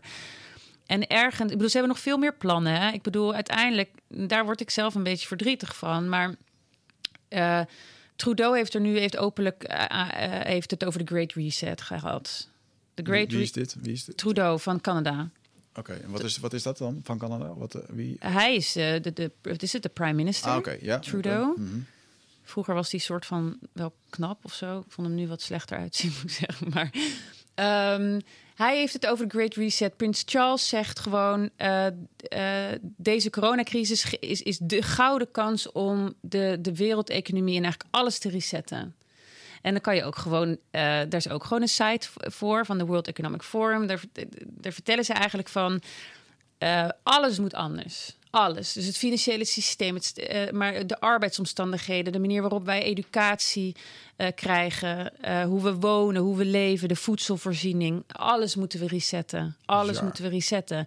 En dan ga ik daar een beetje naar lezen. Eh, Ik heb daar verder dan over gelezen. Van op zich klinkt het goed, hè? Want het klimaat, dat, daar hoor ik zoveel verhalen over dat het allemaal heel slecht gaat. Het lijkt me goed misschien om daarnaar te kijken van hoe kunnen we deze wereld inrichten zodat het klimaat niet helemaal. Alleen ik zie plannen die misschien op grote schaal, hè, eh, dat je denkt, goh, dit is goed voor de wereld. Maar op individueel niveau komt het wel neer op dat wij gewoon dat we nul privacy meer over hebben. Want alles gaat digitaal worden en wordt getraceerd onder het mom van je moet je, je eh, footprint moet meetbaar. Ja. Eh, want we moeten zuinig omgaan met de planeet. En al, alles wordt eh, eh, get- getraceerd gewoon. Dus je krijgt nul privacy. Dat zegt ook de World Economic Forum. Welkom in 2030. Ehm, eh, je hebt geen bezit. You'll have no privacy and you will love it of zo. Dat is gewoon open en bloot. Nou, hoe bedoelen ze dat met geen bezit? Nou, wat zij, hoe zij het zien is dat niemand meer bezit gaat krijgen. Maar dat we naar, en dat kan je ook weer heel mooi uitleggen als deeleconomie. Maar het bezit zal niet van ons zijn, maar het bezit zal zijn van boven. Dus dat geeft ook weer een afhankelijke positie. Maar, Ja. maar eigendom is, is, zeggen zij, dat is passé straks. We hebben straks geen eigendom meer. Wij, wij gebruiken met z'n allen ehm, de assets van de aarde. En dat, dat verantwoorden we zodat het allemaal in evenwicht blijft. Maar dan zou je ook niet meer je eigen huis mogen hebben en zo. nee, eh, nee. Oké, En ook geen auto's meer, dat is ook niet nodig, want we kunnen allemaal met openbaar vervoer. oké. Ja. Eh, dus eh, geen eigendom is gewoon wat ze zeggen. Je hebt straks geen eigendom meer, om, omdat dat dan beter is voor, eh, voor het klimaat en zo. Ehm, en dat in combinatie met dat je volledig gevolgd en gecontroleerd en contact tracing is gewoon, dat wordt normaal. En gewoon wat er in China gebeurt. Ja, ah, daar wil je echt niet naartoe. Maar daar gaan, dat, dat is wel het plan. Ja. En ze zeggen van er zijn wel landen en zo, maar de echte macht komt bij een paar landen terecht. Die gaan alles coördineren. Dus het wordt gewoon het, het, het feestje voor de glo- globalisten. Ja. Da- daar, dat zijn de plannen. En eh, eh, ja, als je het daarover hebt, dan, dan, dan word je weggewuifd. Maar je moet het loskoppelen van COVID. Want je kan natuurlijk. eh, er zijn mensen die zeggen dat COVID wordt aangegrepen. En het is gewoon eh, gehyped zodat we dit kunnen doorvoeren. Dat weet ik niet. Dat zal ik nooit zeker kunnen weten. Ik, ik, ik, ik wil ook daar niet te lang in roeren. Want hoe, ik zal dat nooit zeker weten. En dan vind ik dat lastig om daarover na te denken. Maar feit is, A, we hebben COVID en de wereld gaat. De- ons land gaat echt gewoon. eh, wordt de afgrond in ge- ge- ge-. MKB, ik denk 60% straks pleiten, alles is weg. En ik zie een plan liggen voor een Great Reset, eh, waarbij alles anders moet. Van voedselvoorziening tot altijd. En, en het, het riekt en het, het klinkt gewoon als een soort communisme. ehm, met, met superveel overheidsbemoeienis en nul privacy. En privacy is, is gewoon, dat heb je zo hard nodig voor een beetje zelfbeschikking en een beetje vrijheid. Heb je Ja. privacy nodig. Ja. Nou ja, zeker om niet als mezelf een nummer te voelen of een, eh, of, een- of een koe. Ja, dat ook al. Maar ik bedoel, dit, dit is. Ik vind, dat, ik vind dat spannend. Ik vind dat spannend. Ik heb daar trouwens nog een lijstje over gemaakt. Want ik heb gisteren ook nog een keer even kijken of ik alles. Oh ja, nou, dat is natuurlijk ook. En dan dit wat ik net zei. Dus dit mensen moeten dit gewoon opzoeken. Het is gewoon een het zijn prachtige sites over gemaakt. Heel mooi eh marketing. Ook weer een soort marketingcampagne. En dat gaat dan gepaard met de, de vierde industriële revolutie. Die komt er ook aan. Dat, dat wordt insane. En eigenlijk komt het erop neer dat gewoon mens en technologie, technologie gaat versmelten. Ja. Transhumanisme. Ja, transhumanisme. Dat schijnt helemaal eh, eh, geweldig te zijn. Ik zie dat niet helemaal, waarom dat geweldig is. Kijk, ik kan begrijpen dat het, het, het 3D-printen van een orgaan, dat lijkt me handig. Ja, nou, over 30 jaar heb- krijg jij een nieuwe knie die beter is dan die van ons twee bij elkaar. Ja, ik denk dat er heel veel mooie dingen zitten in technologie natuurlijk. Ja, en, en dat we straks kankercellen kunnen opsporen met een soort dingetje wat eh, in jou, dat zou mogelijk kunnen zijn. Ja, dat zou mogelijk zijn. Ik, ik- Ja, maar dit, nu is, hier is de vraag inderdaad, oké, als dit, dit kan ook verkeerd gebruikt worden. Maar ja, Hè? En, en ik, uh, no, Novel eh, Harari, zeg ik dat zo goed? Eh, ja, Die meneer die heeft een heel mooi eh, ehm, boek geschreven, Homo Deus, waarin hij dit beschrijft, waar straks gewoon alles opgespoord wordt. Hè, als het ten goede wordt gebruikt. ja. De, de keerzijde hiervan is inderdaad continue surveillance. Dat alle tijd alles in de gaten wordt Ja. gehouden. En dat er geen, eh, ja. dat er geen eigen, eigen dingen meer mogen. Nee, precies. Ik bedoel, het, het kan ook goed bedoeld zijn. Eh, maar wij dragen wel de keerzijde. Ja. Die keerzijde komt volledig bij de burger te liggen. En uh, de vraag is, zeg maar, hebben, willen wij dit? Willen wij een vierde industriële revolutie? Willen wij mm. een leven waarin gewoon uh, artificial intelligence uh, een hele grote rol gaat spelen, ook daar waar het om jouw rechten gaat. Snap je? ik denk dat dat onvermijdelijk is. En uh, we hadden laatst iemand, een, een beetje een futuroloog, Martijn Aslander hier, en ook echt ontzettend positief ingesteld. Die zei: waar we nu tegenaan lopen, dit zijn kinderziektes. Dus ook hè, bijvoorbeeld dat die, die grote techbedrijven, die zijn nu in één keer censuur aan het doen, maar dat doen ze eigenlijk ook uit een soort van spasme, dat ze ook niet weten hoe of wat. Dus is het makkelijker om dat te verwijderen omdat dit ook nieuw voor ze is. Nou, dat vind ik erg, vind ik wel een beetje naïef klinken, uh, Wichert. Um, dat doen ze uit spasme, de big tech. Ja, even zeker. Ik, nou, in een, in een zekere zin wel, want ik weet zeker dat een, uh, het is niet behapbaar voor ze om dit goed te kunnen managen. Ja. Dat hebben, oh. ze, dat hebben ze ook nooit bedacht. Oh, dus... Trump twittert iets. Oeh, ik word spastisch. Ik ga het uh, censureren. Nee, oké, dat, is, dat, is een, dat is een ander uiterste. Maar uh, bedoel, de massa van wat er... Hè, dat er gewoon in één keer... Um, dat alles gewoon in één keer weggevaagd wordt van een bepaald onderwerp. Um, ik, ik denk dat die bedrijven nooit hadden bedacht dat dit ook zou kunnen gebeuren. Dat ze hiermee te maken zouden kunnen krijgen. En dan krijg je natuurlijk de, de waar ik helemaal gruwelijk van hoor zijn van die, die checkfackers, die, die, die, die fact-checkers. Fact wat gewoon, waar, er is geen fact-checker voor de fact-checkers. Nee, uh, dus als je gewoon heel veel geld hebt, uh, dan, dan, dan sta je erachter. Maar ja, degene die, je mag dus eigenlijk gewoon jezelf controleren. Ja. ja dat is niet zuiver. En dan, dan creëer je dus zo'n ministerie van waarheid voor jezelf. Ja, ik zou ervoor tekenen.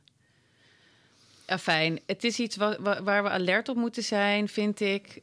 Um, kijk, dit zijn best wel hele grootse plannen. Hè? Dit is mm. niet zomaar even duurzaamheid op de agenda zetten. Dit is gewoon een algehele mondiale, globale uh, reset van alles wat je maar kan bedenken, waarin we uiteindelijk, uh, uh, wat die Klaus Schwab zegt, van je kan beter achter de computer sporten dan in een groepsles, want het is echt veel veiliger om achter je computer te sporten. Dat schrijft hij in zijn boek.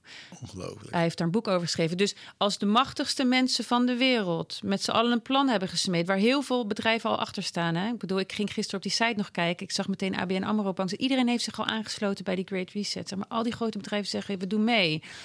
Als de machtigste mensen zeggen van je moet beter achter de computer sporten, want dat is veiliger en je moet thuis achter je computer je educatie gaan volgen. Hmm. En eigenlijk alles wat ik ze hoor zeggen is, is uh, niet meer menselijk, maar, maar heel erg gedigitaliseerd. Uh, dan denk ik, nee, dat wil ik niet. Nee, ik ook niet. Nee. Dat wil ik niet. Uh, is dit echt de enige manier om te zorgen voor, voor een evenwicht in, de, in, de, in het klimaat? Ja. Nee, nou, nee dat geloof ik niet. Het druist tegen alles van het menselijke in. Ja. En, en waar ik Thierry Baudet wel eens een keertje, vaak hoor ik hem ook al dingen zeggen waar ik het niet mee eens ben, maar hiermee dacht ik ja. Dat er, een, dat er een, inderdaad een aantal globalisten zijn die denken dat je heel de wereld als, als dezelfde persoon kan beschouwen. En dit ging eventjes in het geval dat wij, geloof ik, er 500 miljoen naar Italië wilden sturen. En die zouden dat dan wel terugbetalen. En dat zei hij ook heel droog. Van ja, jongens, in de afgelopen 500 jaar hebben die mensen hun financiën niet op orde weten te krijgen. Het gaat nu ook niet gebeuren. En het idee dat er een soort van globalistisch idee is van iedereen moet volgens dezelfde regeltjes handelen en dan gaat dat gebeuren. Dat gaat gewoon niet gebeuren. En, en ik vind het heel erg moeilijk. De, de mens kan je niet controleren. Het enige wat je kan doen is de mens uh, afhankelijk maken van iets om ze te controleren. Ja. En hoe doe je dat? Door middel van techniek. En een basisinkomen. Ja, nou dat is voor mij ook inderdaad. En uh, vroeger stond ik daar om te juichen. We hebben hier een aantal uh, gasten hier gehad die waren goed. En dan uh, meer vrijheid, meer exploratie van jezelf en al die dingen. Maar nu zie ik het inderdaad. Ik wil van niemand afhankelijk zijn. Nee. En dat is wat er dan wel zou gebeuren, ja. Ja, die afhankelijke positie, die, die kent ook weer een keerzijde. Ja. Ik bedoel, dat, dat zie je nu toch ook. Mensen die ik krijg heel veel berichten van mensen die ergens werken en zeggen: Oh, ik heb zo moeite met het beleid, maar ik mag me niet uitspreken, anders raak ik mijn baan kwijt. Ja. Dat is afhankelijkheid. Ja. En, en dan, dat gaat ten koste van, van je, je innerlijk kompas. Ja. En als, ja, als wij financieel en van alle kanten afhankelijk worden gesteld van, van, ja, van de voorwaarden voor zo'n basisinkomen. Hmm. Dat is een keerzijde die wederom volledig bij de burger uh, terechtkomt. Ja. En, en eerlijk gezegd denk ik, als we dat klimaat zo belangrijk vinden met z'n allen, weet je wel. Ja, pak dan de echte vervuilers aan. Ja. ja, moet ik wel zeggen dat ik hoorde daar eh, laatst eh, Jordan Peterson over. Een eh, bekende psycholoog uit Amerika. Die niet kritisch is op het klimaatbeleid. wel dat er wat aan het veranderd is. maar dat hij wel gewoon zei: jongens, er worden hier nu allemaal plannen gemaakt. een stuk of veertig van die dingen die we dan moeten doen. Hij zegt, maar we hebben maar geen flauw idee of dat het gaat werken. We weten ook niet hoe we het gaan doen. En hij is daar best wel pessimistisch in. Van ja, we kunnen wel wat proberen. We, hebben niet eens, het, we weten niet eens wat voor effect dat gaat hebben. Dus iedereen kan dat wel roepen. Maar geen enkel plan heeft nu al bewezen dat het onwijs veel impact heeft. Ja of nee. En toen hij dat zo zei, dacht ik ook echt van ja, we zijn dus eigenlijk maar gewoon wat aan het doen hier. Ook, ook op dat, eh, op, op klimaatcrisisniveau. Niemand Ja. weet het. Nou, ik weet niet. Ik denk dat er mensen zijn die wel een heel duidelijk idee hebben, eigenlijk, eerlijk gezegd. Ehm, ja, ik weet, ik, ik, nee, sorry, maar in die, in die Great Reset en in die plannen van de World Economic Forum, daar zit gewoon in de, in de, in de agenda 2030, er ook nog eentje waar je even je, in kan Mm, gaan ja, ja, lezen. ken het, ja. Daar zit jarenlange voorbereiding in. Hè? Ja. En Ja. kijk, waar ik het heb over de echte vervuilers. Ik kan het gewoon niet rijmen dat, dat, dat zeg maar. eh, ik vind sowieso heb ik moeite met hoe we met vlees, hoe we met dieren omgaan. En die industrie vind ik lelijk. Mhm. Echt lelijk. Ehm, hè, we worden toch wel een soort van. Nou, als je het goed wil doen, dan word je vegetarisch. Ehm vegetariër moet je volgens mij zeggen. Dat maakt niet uit. Maar ik zag dat bij Roxane van Iperen, die had daar iets over op tv gezegd. En ik had nog aan haar gevraagd naar de bronnen. Maar zij vertelde van ja, een vijfde van het budget van de Europese Commissie, of de Europese Unie, gaat naar intensieve veeteelt. Een vijfde. Dus 20 procent. Dus, en dat zijn dan onze regeringsleiders tegen, die tegen ons zeggen: je moet minder vaak de auto pakken, je moet 100 op de snelweg. Ja. En, eh, en dit, dat, zus, zo. En, en ons allemaal oh, ja, het gevoel geven dat we het goed doen als we een zonnepaneel op ons dak leggen. Maar zij, zit, zij douwen zoveel geld in die intensieve veeteelt. Die, Ja. Nou, dus ik vind het tegenstrijdig. Dus ik denk als jullie echt geven om het, om het klimaat, dan zijn er zoveel andere mogelijkheden om dit daadwerkelijk te dragen en het niet alleen maar bij de burger neer te leggen. Want daar komt het in mijn ogen echt op neer. Ja, zeker wel. Dat geloof ik. Nou, dat is ook een beetje wat de laatste tijd natuurlijk ontzettend heerst. Is dat, en dat vind ik een, eh, dat heeft ook te maken met de vorm van communicatie die naar ons toe komt. Is dat het allemaal onze schuld is. En natuurlijk, we zijn allemaal mensen, we dragen er allemaal aan bij. Ehm, maar een boodschap overbrengen met een positieve kijk of met een, met, een, met een bepaalde richting waar we heen moeten in plaats van dat pessimistische of eh, eigenlijk voel ik me af en toe als ik die persconferenties kijk dan denk ik wow ik ben weer terug op de basisschool waar de leraar iets tegen ons vertelt weet je wel en dat dat komt dan ook gewoon niet over dus ik neem het ook niet serieus Nee. Eh, ehm, of ik voel, ik voel laat ik het zo zeggen ik voel me niet serieus genomen Nee, precies. dat is eigenlijk meer ja. Ehm, en daardoor komt er ook een soort van. eh, eh, wat mij ook wel heel erg integreert, is dan de. ehm, mensen houden er niet van om gecontroleerd te worden. Of, Nee. of om in een hokje gezet te worden. En dan, dan ontstaat er dus wrijving. En zeker in een tijdperk van nu geeft dat dus heel veel. eh, ja, hebben we dit soort gesprekken daarover, weet je wel? Kijk, wij, wij worden. Ik, wij zijn, de overheid vertrouwt ons voor geen meter blijkbaar. Dat wij normaal met elkaar kunnen omgaan. Ik bedoel, want wij worden gewoon letterlijk aan de ketting gelegd. Ja, Maar wij moeten hun wel vertrouwen. Ja. Volledig. Zonder dat we daar vragen over moeten stellen. Dat, ga- dat gaat niet. Dit is wederkerig. ja, Geef ruimte en je krijgt.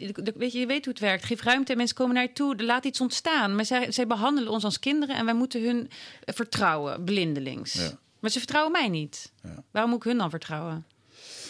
Ja en ja, ja, ik denk dat een. ehm, vertrouwen is natuurlijk al gewoon ontzettend geschaad. Als je gewoon terugkijkt, of als je een willekeurige Netflix-documentaire kijkt over de Vietnamoorlog, de Tweede Wereldoorlog, andere, andere dingen, dan zie je gewoon dat wat overheden toen deden en beslisten, was gewoon echt niet zuiver.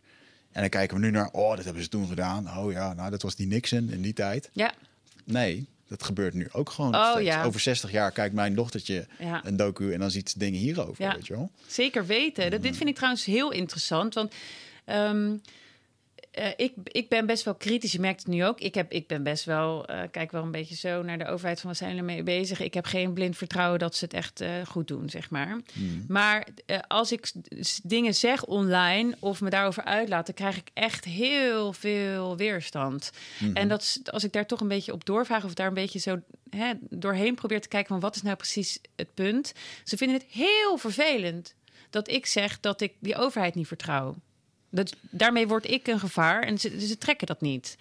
En, en vervolgens ga je een discussie voeren op zogenaamde inhoud. Maar eigenlijk, vind, hoe ik het zie, zitten die mensen hun eigen identiteit en hun eigen geloofsovertuiging te verdedigen. Van de overheid Ja. heeft het wel goed met ons voor. En ze maken er misschien een rommeltje van, maar ze doen hartstikke hun best. En doe niet zo, want dan voel ik me straks ook nog daar onveilig over. Nou ja, de dingen die jij nu net hier noemt, sommige dingen wist ik niet. Daar word ik dan misselijk van. Denk ik, oh fuck, weet je. Eigenlijk wil ik het ook niet horen. Want het, het, Nee. het rammelt aan mijn voortbestaan, aan Ja. mijn veiligheid. Aan. Ja. Ehm, en dan, ja, maar zo'n internetwebsiteje. En dan, ja, dit is geen internetwebsiteje. dit zijn gewoon de, de, de top, de, de rijkste mensen ter wereld... Ja. die per jaar in, in, in Davos samenkomen en hierover kletsen... en strategisch met elkaar beslissingen over Ja. maken. Ja hoor, elk jaar komen ze bij elkaar, vliegen ze van over de hele wereld, gaan ze vertellen hoe de wereld eruit moet komen te zien. Dat is onze wereld, hè? Ja, Lachen, ja. En schijnbaar, als je dus heel veel geld hebt, heb je daar invloed op. 100 procent. En, en, en, iets, en iets lijkt het ook wel dat op het moment als er, als je in één keer zo veel geld hebt, Ja. dat het dan schijnbaar niet genoeg is en dat je jezelf een soort van kan gaan loskoppelen van wat de rest van de wereld is. Ja. Dat mensen zich volledig, terwijl ze misschien helemaal niks met Afrika hebben, maar daar wel in één keer gaan bepalen wat er dan in Afrika moet gaan gebeuren. En als een soort van ja, levend schaakspel waar je dan mee, mee bezig bent. Een beetje stratego, weet je wel. En ehm, ja. ja, en Ze spelen gaat- voor God. ja, dat is schijnbaar wat er kan gebeuren. En, en schijnbaar komt die macht er ook. En ik vind dat dus ook echt dat Ja. de grote techbedrijven, ehm, waar iedereen gretig gebruik van maakt, die, ehm, die hebben straks gewoon heel veel macht. En wat ik bijvoorbeeld vreemd vind, is dat eh, dezelfde meneer die van dat computerbedrijf, dat die bijvoorbeeld satellieten nu de lucht instuurt. Hè, om alles met videocamera in de gaten te houden. Of surveillance, of net hoe dat ze dat willen doen. Of in kaart brengen. Die doet dat met zo gruwelijk veel geld. Dat geen enkele overheid dat zelf zou kunnen doen. Ja. En wie worden zijn afnemers? Overheden. Ja. Geheime diensten of dingen. Of weet ik Ja. veel. Iedereen die daar... eh, en, en dat... Ja, dit is... eh, hier komt toch wel het gezegde van... eh, eh, absolute macht creëert absolute corruptie. Ergens, ergens kan dit gewoon niet goed gaan. Ja. Ehm, en er is niemand die daar. eh, het is, ik vind het ook, hè, voor mij is het heel raarloos. Ik had gisteren op de, op de Instagram eh, kijkersvragen. Ehm, en heel veel mensen vroegen ook van ja, wat kunnen we hier nou doen? Dit Ja. voelt voor mij ook zo machteloos Ja. om hier, eh, behalve hier erover te kunnen kletsen en, en Ja. hopen dat het ergens doorcijpelt bij iemand. Ja, dat is, dat is wat we moeten doen. En ehm, het, is het is lastig hoor. Want ik merk ook, zeg maar, hè, als ik vertel over de lelijke kanten van het leven, zeg maar, dan zijn sommige mensen die het al weten, die denken: Goh, eh, goh, fijn dat je dat durft te zeggen. Weet je, die voelen zich gesterkt in wat ze zelf denken. Mensen die het nog nooit hebben gehoord, die zeggen: Ja, nou haak ik af. Als je zo begint, haak ik Ja. af. Eh, en sommige mensen worden boos en gaan zeggen: wat is je bron? En die gaan me dan bestoken met duizend vragen. Waardoor ik, als, als, ik erna, als ik het zou doen, zou ik een halve dag bezig Ja, zijn. En ja, diegene ja. zou het niet eens lezen, want die wilde het helemaal niet horen. Ja. Eh, dus de wat is je bronpolitie, dat, dat vind ik altijd een beetje irritant. Maar daar kan ik steeds beter mee omgaan, moet ik zeggen. En niet dus. Gewoon ja, niet die, die laat ik gaan. Ja, Ja, ik, ja. ja. die laat ik tegenwoordig gaan. Ik, ik kan wel filteren van. Het is ook in de menselijke natuur hè, om, om kant te kiezen. Want dat is veilig. Ja, En eh, dat is eigenlijk echt een stam, eh, stamidee. Dat jouw stammetje, Ja. jullie overtuiging en geloof, dat is het. ja en, precies. en alles wat daar mee, ja, wat dat gevaar brengt, dan ga je hakken verder in de grond, in, in het zand zetten. Ja, Nadia heeft hier ook in de speech, zeg maar, die moest ook speech, vriendin van mij, die ging speech eh, bij ook de Vrouw voor Vrijheid. En die heeft hier ook, die benoemde dit ook. Van vroeger werkte dit. Vroeger was het belangrijk voor, hè, je moest jezelf beschermen. En daardoor was het belangrijk dat je bij de groep hoorde en dat je eensgezind was, zeg maar. Maar eh, nu, nu kunnen we dat wel een beetje loslaten, beste mensen. En eh, ga even naar je onderbuikgevoel en maak daar contact mee.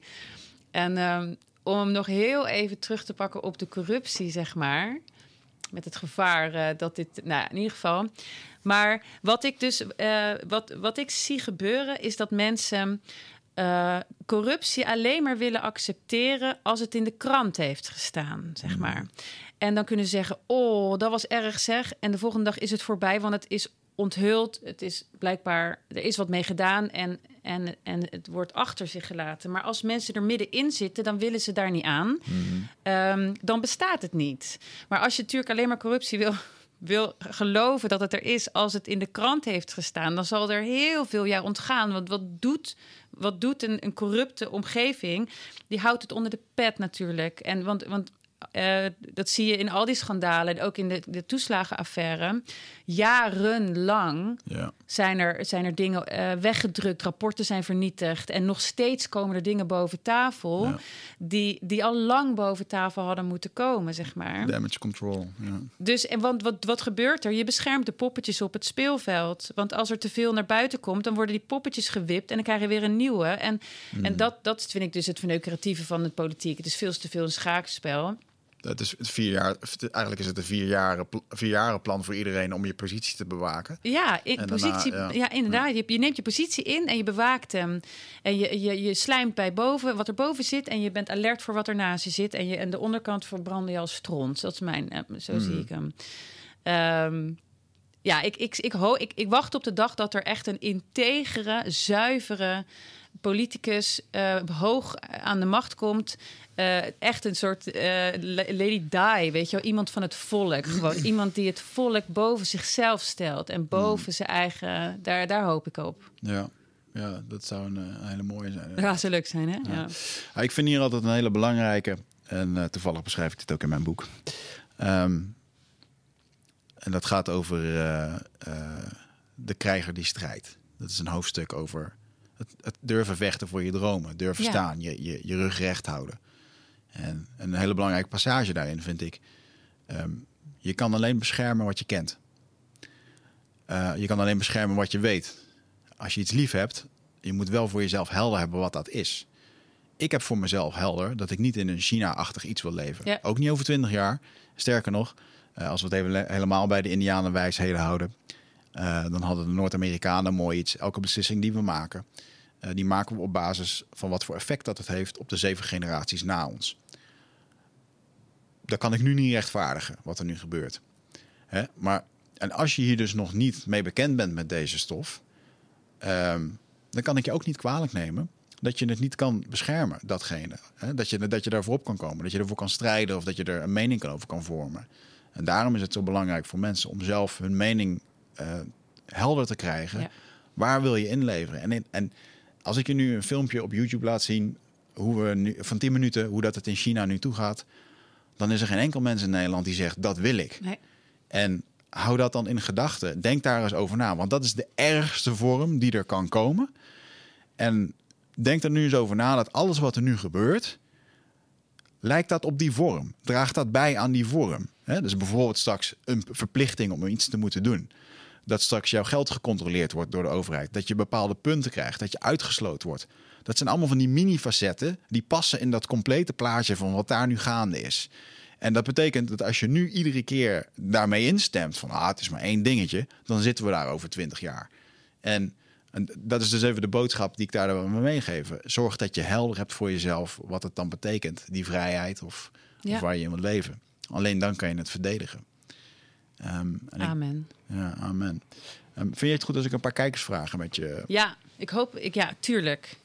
Ik zag dat je zat gesteld. Toen werd ik zenuwachtig. Denk, oh god, straks weet ik het niet. Maar kom maar op. Ik zeg gewoon dat ik het niet weet als ik het niet weet. Even kijken. Um... Kijkersvragen. Politie Amsterdam heeft een vraag gesteld. ja, die zitten achter me aan hoor. Even kijken. Uh, nou, ik kreeg hele leuke vragen binnen. Ook wel waar ik zelf van dacht. Van, hm, ja, inderdaad. Ook... Uh, um... Oké. Okay. Um, iemand vraagt welke mogelijkheden zijn er als onze kinderen niet meer naar school mogen zonder vaccin? Ja. Um, als het zover komt, dan wordt het homeschooling. Hmm. Want, dat, dat, mag in Nederland. Ja. En homeschooling is iets wat nu aan popula- populariteit wint, omdat mensen die ja, al een beetje wakker zijn, denken nu: oei, ik, hè, we gaan, die gaan anticiperen op het feit dat je wellicht wordt uitgesloten van het onderwijs zonder vaccin. Wat al in Italië gebeurt. Hè. In Frankrijk is dat al zo. Ehm, dus homeschooling wint aan populariteit. En ik, ik vertrouw er weer op dat tegen die tijd, als ze dat gaan verplichten, dan zijn er allemaal initiatieven al uit de, uit de grond eh, gespoten. En gesproten, je begrijpt wat ik bedoel. En ontsproten. Nou, ehm, maar dat betekent niet dat we allemaal één op één met ons kind eh, aan tafel eh, rekensommetjes moeten maken. Maar dat, dat, zullen in, eh, dat, dat moeten we samen gaan organiseren. Eh, in, in clusters van, van, van gelijkgestemde ouders. Met, we gaan kleine klasjes maken. Dat gaat het worden. Ja. En verder heb je geen keus behalve emigreren. Want ehm, als je eenmaal in het systeem zit, dus je kind is al ingeschreven in het schoolsysteem, is het heel moeilijk om je kind eruit te halen, tenzij je dus verhuist. Ja. Ehm, dus dat, dit is iets waar we gewoon met z'n allen op moeten anticiperen. Ja. Eventjes als het dan gaat over eh, emigreren. Eh, dit heeft niet per se daarmee te maken, maar eh, iemand vraagt welke landen doen het, doen het goed in de aanpak van dit, wat er nu gebeurt.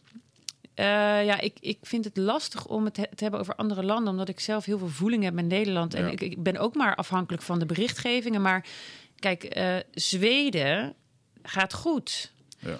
Ehm, ik, ik hoor verhalen over Tanzania dat ze daar eh, niet aan corona doen, omdat de president een papaya en een geit heeft getest op corona. En die waren allebei positief. En toen heeft de president gezegd: wij doen niet aan corona. Ja. Dus daar, daar, daar zeggen ze dat er niks aan de hand is. Ja. Die doen niet, die doen niet mee. En eh, De president van... Ja, ik heb dat inderdaad dat gezien, dat tweetje of dat eh kantenbericht. En ja, bizar.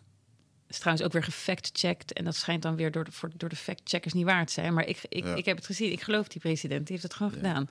Ja. Nou ja, ik zie af en toe op mijn Instagram, dan post ik dingen. Gewoon over mijn persoonlijke leven. En dan krijg ik een factcheck eroverheen. Ja. Dan denk ik, huh? Ja, heel, maar goed. Ehm, ja. ja, terwijl het echt nergens op slaat op wat ik dan op dat moment post. Ja. Oké. Ehm, wat kan je doen wanneer je een normaal persoon bent met geld en gezondheidszorgen? Het is een beetje een brede vraag, denk ik. Eh, de- deze persoon maakt zich zorgen, begrijp ik. Nou, dit is, dit is de vraag die ze stelt. Wat kan je doen wanneer je een normaal persoon bent met geld en gezondheidszorgen? Dus je hebt wel Eh, geld. Je hebt geldzorgen of gezondheidszorgen. Oh jeetje, wat kan Ja, je dan doen? Ik vind het ook een hele lastige, een beetje lastig geformuleerde vraag. Nou, ik- ja, dit is lastig geformuleerd. Maar ik denk dat er heel veel mensen zijn die zich nu zorgen maken. Heel veel. En ik denk dat het voor iedereen belangrijk is om eh, te zorgen dat je je spirit op orde houdt. En dat je je energie goed houdt, zeg maar. Dat we weg moeten blijven van, van angst. Dus, dus kijk vooral of de angsten en de zorgen re- reëel zijn. En eh, je moet echt, echt zorgen dat je stemming op peil blijft. Anders dan ga je ook andere keuzes nemen. Ja. En dat geldt voor iedereen. Ja, en daaraan toegevoegd ehm, ehm, persoonlijk leiderschap. Ehm, je shit op orde krijgen, eh, weerbaar worden, Ja, eh, helder krijgen. Oké, waarom heb je dan nu die stress? Wa- Waarom vind je het eng? ja. Eh, je hebt geldzorgen. Wat zijn dan de geldzorgen? Hoe kan je die oplossen? Hoe kun je dat verbeteren? En dat, daar zijn helaas niet zo te weinig mensen mee bezig. Maar dat zijn wel, eh, als je jezelf wilt losfrikken of onafhankelijk wil maken, dan moet je dat soort vragen aan jezelf gaan stellen. Ja, Er zijn hele mooie cursussen over van heel veel mensen die dat doen. Dus eh, zoek daar eens even op. Ehm Ik wil nog iets op toevoegen. Jazeker. Als je, je, geld, je hebt geld en je hebt zorgen, dan kun je ook zien, ik heb geld Ja. en ik wil iets met het geld om aan die zorgen te werken. ja, Dus ik heb ook zorgen, ik heb jouw crowdfunding gedoneerd, want Ja. dat vond ik belangrijk. Dus ik zie hem ook van die punt, stel ik op een miljoen, ik maak me zorgen, waar, wie moet ik supporten? Wie Ja. moet wat ik- kan ik doen? Oh, Ja. nou, zal ik zeggen wat ik zou doen als ik heel veel geld zou hebben? Dan zou ik een stukje grond kopen en dan zou ik eh, volledig zelfvoorzienend worden. Maar dan ook volledig. Dat Dat is wel, zou, ja, dat is wel voor jezelf dan ook. ja, heel, heel eerlijk, ja. Ja. Oh, dat zou ik eerst regelen. Maar, maar en, en als je, als je ja, het is heel erg dit, maar ja, dit is wel misschien een beetje hoe je jezelf vrij kan spelen. En eh, als je tijd over hebt, maak er een eh, community van. Hmm. En je kan ook zo een voorbeeld stellen. Ehm, eh, maar ik, ik geloof heel erg toch meer in het community leven. Al vroeger was ik altijd zo van, oh nee, weet je, eh, eh, maar de- nee man, het is de kracht van de groep en het voor elkaar zorgen en allemaal iets inbrengen en, en zo. Dat, daar hoop ik dat wij naartoe gaan. En dat zou ik kijken als je veel geld hebt om te kijken of je dat mogelijk kan maken voor jezelf en Ja. voor anderen. Ja, dat is heel idealistisch en wel, eh, dat geeft ook uitdagingen. Maar ja, ik, ben, ik ga zelf ook naar Stamma toe. Ik weet wat het is. En ja, zeker. Ehm, wat zijn jouw eh, tips voor het omgaan met andere meningen? Ja, die, die krijg ik best wel vaak. Ehm, nou, het, het blijft voor, zelfs voor mij. Ik bedoel, ik krijg er, heb er dagelijks mee te maken. Vind ik het soms. eh, heb ik, heb ik er daar soms moeite mee als ik bijvoorbeeld niet word gezien in mijn intentie. Als, ik, als mensen boos op mij worden, dan dat raakt bij mij een soort kwetsbaar punt dat ik dan maar niet gezien voel, of et cetera, et cetera. Ehm, als ik, eh, gevoel, als ik voel dat ik geraakt word, dan probeer ik eigenlijk onmiddellijk te gaan naar dat geraakte gevoel en me daarover uit te spreken. Ehm, dus eh, ik heb ook vriendinnen die anders in de wedstrijd zitten en met hun bespreek ik gewoon dat ik, dat ik me daar, daar ik uit me zorgen. Ik vertel hun waar ik verdrietig van word, waar ik boos van word en waar ik bang voor ben. En dat veroorzaakt geen weerstand of eh, boosheid of discussie. Dat dan raak je toch iets. eh, ja, als het goed is, krijg je dan een fijn gesprek waarin je gewoon kan zeggen en dat er wordt geluisterd over en weer. Ja, wat je daar heel krachtig in doet, eh, ook echt een sterk stuk persoonlijk leiderschap, is eh, het uiten van je gevoel.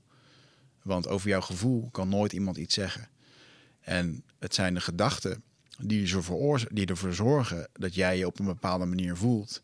En die gedachten die ontstaan door alles wat jij in de wereld ziet, wat naar binnen komt via die sensoren, wat allemaal door die tradities en religies en andere dingen die jou geprogrammeerd hebben, daar gaat het doorheen. En dat, en dat eindigt in een gevoel. En over jouw gevoel kan niemand iets zeggen, want dat is altijd waar. Het is alleen of dat de gedachten die dat gevoel veroorzaken, of dat die waar zijn, daar kun je dan een discussie over hebben. Zeker. En, en het is juist heel mooi om inderdaad niet eh, eh, boos te worden uitwaarts, maar dus gewoon inwaarts te zeggen: "Wil, ik voel me gewoon angstig over Ja. dit beleid. Ja. En, en, en dan is er in één keer: oh, maar hoe komt dat dan? Weet je wel? In plaats van nee, dat is niet zo. Of, eh, krijg je een heel ander gesprek. En ehm, eh, dat lukt mij ook niet altijd. Maar, maar soms denk ik, oh ja, wacht, dat moest ik doen. En is, ik probeer er elke keer wel naar terug te gaan. En wat ook voor mij helpt, is ehm, eh, als ik dan weer... ik krijg altijd een beetje dezelfde dingen terug. Van, ja, wacht maar tot jouw oma op de IC ligt of zo. Of wat ben je egoïstisch, doe gewoon een mondkap op en zo. En soms word ik daar een beetje moedeloos van. Maar ehm, ik zie mezelf soms ook gewoon als een, als een schakel in de kracht van herhaling. Dus ik hoef niet per se, misschien ben ik, zit ik, ben ik de eerste schakel, misschien ben ik de middelste, misschien zit ik op het eind. Maar consensus is niet het einddoel van zo'n gesprekje, of het nou online of offline is. ja. Het is ook wel eh, het, het planten van een zaadje. En ehm, eh, het, het willen overtuigen, dat zou ik echt proberen los te laten. Want daar lek je zoveel energie op. Je kan beter één ding zeggen wat bij iemand blijft hangen. Omdat je dat toch op zo'n manier brengt dat diegene dat niet gelijk af. Weet je, wegzet als ah, in een Ja. andere hoek. Dan dat je al je energie van die dag stopt in een discussie met iemand die eigenlijk zijn eigen standpunt alleen maar aan het verdedigen is en helemaal niet luistert. Als mensen niet luisteren, moet je ook niet te veel energie Ja. in ze steken. ja, zeker als men in de emotie zit, dan is dat echt een. eh, dan kom je daar toch niet tussen. Word je moe van? Ja, dus onthoud die drie vragen. Hè. Dat, eh, wat zijn de feiten? Eh, in vergelijking met wat? Hele irritante vraag. Het is heel gevaarlijk. In vergelijking met wat dan? En dan weet je, Ja. er gaan heel veel mensen dood. Eh, In vergelijking met wat? Met mensen die zelfmoord plegen. 20.000 Amerikanen die per dag, eh, eh, veteranen die zelfmoord plegen of zo. Weet ik veel. Of in ieder geval ja. 2000 of ergens zit echt gaan meer mensen dood door dat dan door in de oorlog zelf. Ehm, en, en dan de laatste, de, de vraag daarin. Wat, wat is de prijs die we ervoor betalen Ja. als we dit zo doen? En als je die... Oh, dat is zo lastig, omdat... Want dan ben je dus helemaal weg van de emotie. En dan zie je dus inderdaad dat je in je eigen verhaal bezig bent. Ja. Om dat te, te, te, te bevestigen. Ja. Ja. Andere vraag. Kunnen de verkiezingen uitgesteld worden als Hugo dat wil met de spoedwet die er nu is? Ik zie geen, ik zie geen aanknopingspunten in, eh, in de coronawet daarvoor.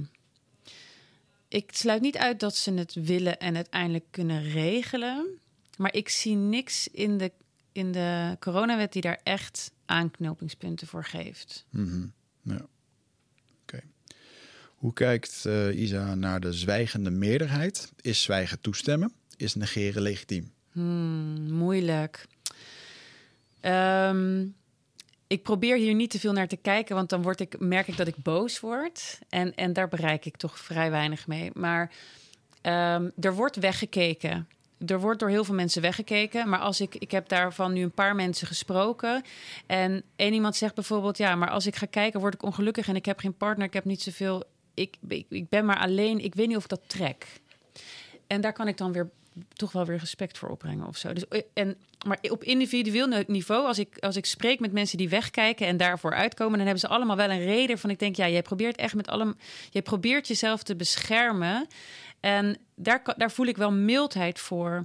Maar als ik kijk naar het grotere geheel en ik zie hoeveel mensen hun mond houden en uh, ja, zwijgen, dan dan denk ik wel, als we allemaal een beetje mee zouden doen, dan zou corona al lang weg zijn, weet je wel. Ik bedoel, dan zou, laat ik zo zeggen, dan zouden maatregelen al lang weg zijn geweest. Mm. En daar geloof ik wel echt in, dat, dat er moet draagvlak zijn voor bepaald beleid. En als wij vanaf dag één allemaal de straat op waren gaan, dan had het leven er heel anders uitgezien. Dus ik denk meer van die mensen, Kom op, doe mee alsjeblieft. Weet je, we need you. Mhm. Ehm, maar ik hou me niet bezig met de vraag: jullie zijn schuldig, want daar heb ik niks aan en zij ook niet. Want als, ik, als zij voelen dat ik hun zo uh, kwalificeer, dan ben ik ze helemaal kwijt. En ik probeer wel, hè, ik wil de groep juist groter maken mhm. voor, voor iedereen. Maar ik moet zeggen dat op persoonlijk vlak het wel steeds moeilijker wordt om voor bepaalde mensen uh, het respect op te brengen wat ik altijd had, heb gehad voor ze als ik zie hoe ze nu omgaan met deze situatie. Dat, dat ja. mensen stellen me teleur. Uh, en ja, daar waar ik ze misschien eerst heel hoog had zitten, denk ik nu sorry, maar er is hier wel iets kap ja, kapot gegaan. Ja. ja. uiteindelijk is het natuurlijk ook een ding dat als je het bij jezelf houdt, dan kunnen andere mensen je niet teleurstellen. Dan, dan is het gewoon jouw verwachting die, eh, die niet voldaan wordt. Uh, klopt helemaal. Daarom, dat is helemaal waar. Ik bedoel, uh, je, het, is, het zijn je eigen verwachtingen en andere mensen kunnen jou niet kwetsen. Wie staat er toe? Weet je wel, ik ken, ik ken ze allemaal. Um, ja, je mag gewoon mens zijn, hè? dus het gebeurt gewoon. Precies. Um, dus dat, maar het is wel eh, belangrijk als je dit continu ervaart Um, als, je, als je eigenaarschap hierover wil nemen, ja, 100%. Dan, uh, en je komt dit vaak tegen, dan is dat een ding voor jezelf om, om op te lossen, weet je wel. Ik zeg dat even meer als advies voor iedereen die luistert. Ja. Want ik, ik, herken, ik herken dit zelf ook, dat ik in één keer uh, minachtend of oordelend kan zijn naar iemand die het gewoon niet met me eens is of waar ik lang ja. tegenaan loop te schoppen. Ja. Eens. Um, even kijken. Um, hoe kan het dat zo'n spoedwet aangenomen wordt door zoveel politie? Nou, daar hebben we het eigenlijk over gehad, denk ik. Ja. Um, er wordt gevraagd of je een mailinglijst hebt voor als je straks van YouTube. Uh... Ja, ben ik mee bezig. Er helpt iemand mij met een website. Um, uh, en daar kan je inschrijven voor de mailinglist. Want ik ga sowieso, ik voel me aankomen. Ik ga sowieso verwijderd worden van YouTube. Um, ik denk zelfs, er zijn nieuwe voorwaarden ook, policyvoorwaarden, gebruikersvoorwaarden ook voor Instagram en socials. Ik, ik vermoed dat er heel wat profielen gaan sneuvelen. En ik denk dat ik erbij uh, ga zitten, eerlijk gezegd. Uh, dus ik heb een Telegram. One Way Channel, de kleine mm activist. Daar zou ik even op gaan. Uh, dus dat is geen chatbox, maar dat heb ik uitgezet. Dus ik zend lekker en niemand kan wat terugzeggen. Soms zeg ik het aan. En er komt een mailinglist. Ja, oké. Okay. Ik moet even selectief gaan worden met vragen, want echt heel veel. Okay. Uh, ik werk in de thuiszorg. Is het mogelijk dat ik straks ontslagen word als ik het vaccin weiger? Um, nou, kijk, zover is het nog niet. Want er is nog geen, uh, er is nog geen wet die dat mogelijk maakt. Uh, daar moet echt nog wat voor gebeuren. Maar dat het de wens is van, hè, van de VVD om, om een indirecte verplichting te gaan invoeren, dat is een feit. En dat mm. zou betekenen dat werkgevers, zeker in de zorg, uh, met hun instructierecht kunnen zeggen: jij moet gevaccineerd worden, anders kan je dit beroep niet uitoefenen dat die kans is aanwezig, ja. Hmm. Ja. Um, ja, grondwettelijk gezien. Mag dat grondwettelijk gezien? Ja, nu dus wel. Nou, kijk, je hebt natuurlijk je, je hebt een grondrecht wat jou beschermt. Hè? Dat is gewoon. Uh, die hebben er een paar, maar die gewoon zeggen van je lijf is van jou en je mag zelf weten wat je daarmee doet en zo. Hmm.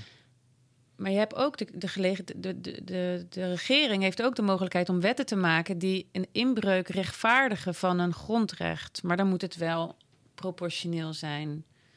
En uh, uh, ja, noodzakelijk, zeg maar. En die zie ik echt nog niet. Ja. Dus ik denk eerlijk gezegd dat dat echt nog wel even uh, gaat duren. En dat het uiteindelijk een strijd is die ze gaan verliezen. Omdat we best wel een, een actieve beweging hebben, vind ik, toch? En, en als ik me toch even zeg, de, niet, de, an, de of in ieder geval de anti-verplichte vaxbeweging... die is toch best wel groot. Ik denk dat het ze niet gaat lukken, want het is... Um, maar ze gaan het wel proberen. Dat weet ik zeker. Hmm. Ze gaan het wel proberen. Dus dat zal echt een strijd worden. Er moet gewoon veel verzet tegenkomen. En er moet duidelijk worden dat er geen draagvlak is. Dat is super belangrijk. Nou, dan, komen, dan komen er twee vragen als laatste. Eentje vraagt wanneer gaan we protesteren? Uh, en de ander zegt, uh, daar wil ik eigenlijk mee afsluiten. Uh, wat kan ik zelf doen tegen, tegen de maatregelen? Ik wil graag maar wat doen, maar ik weet niet wat of hoe. Oké, okay.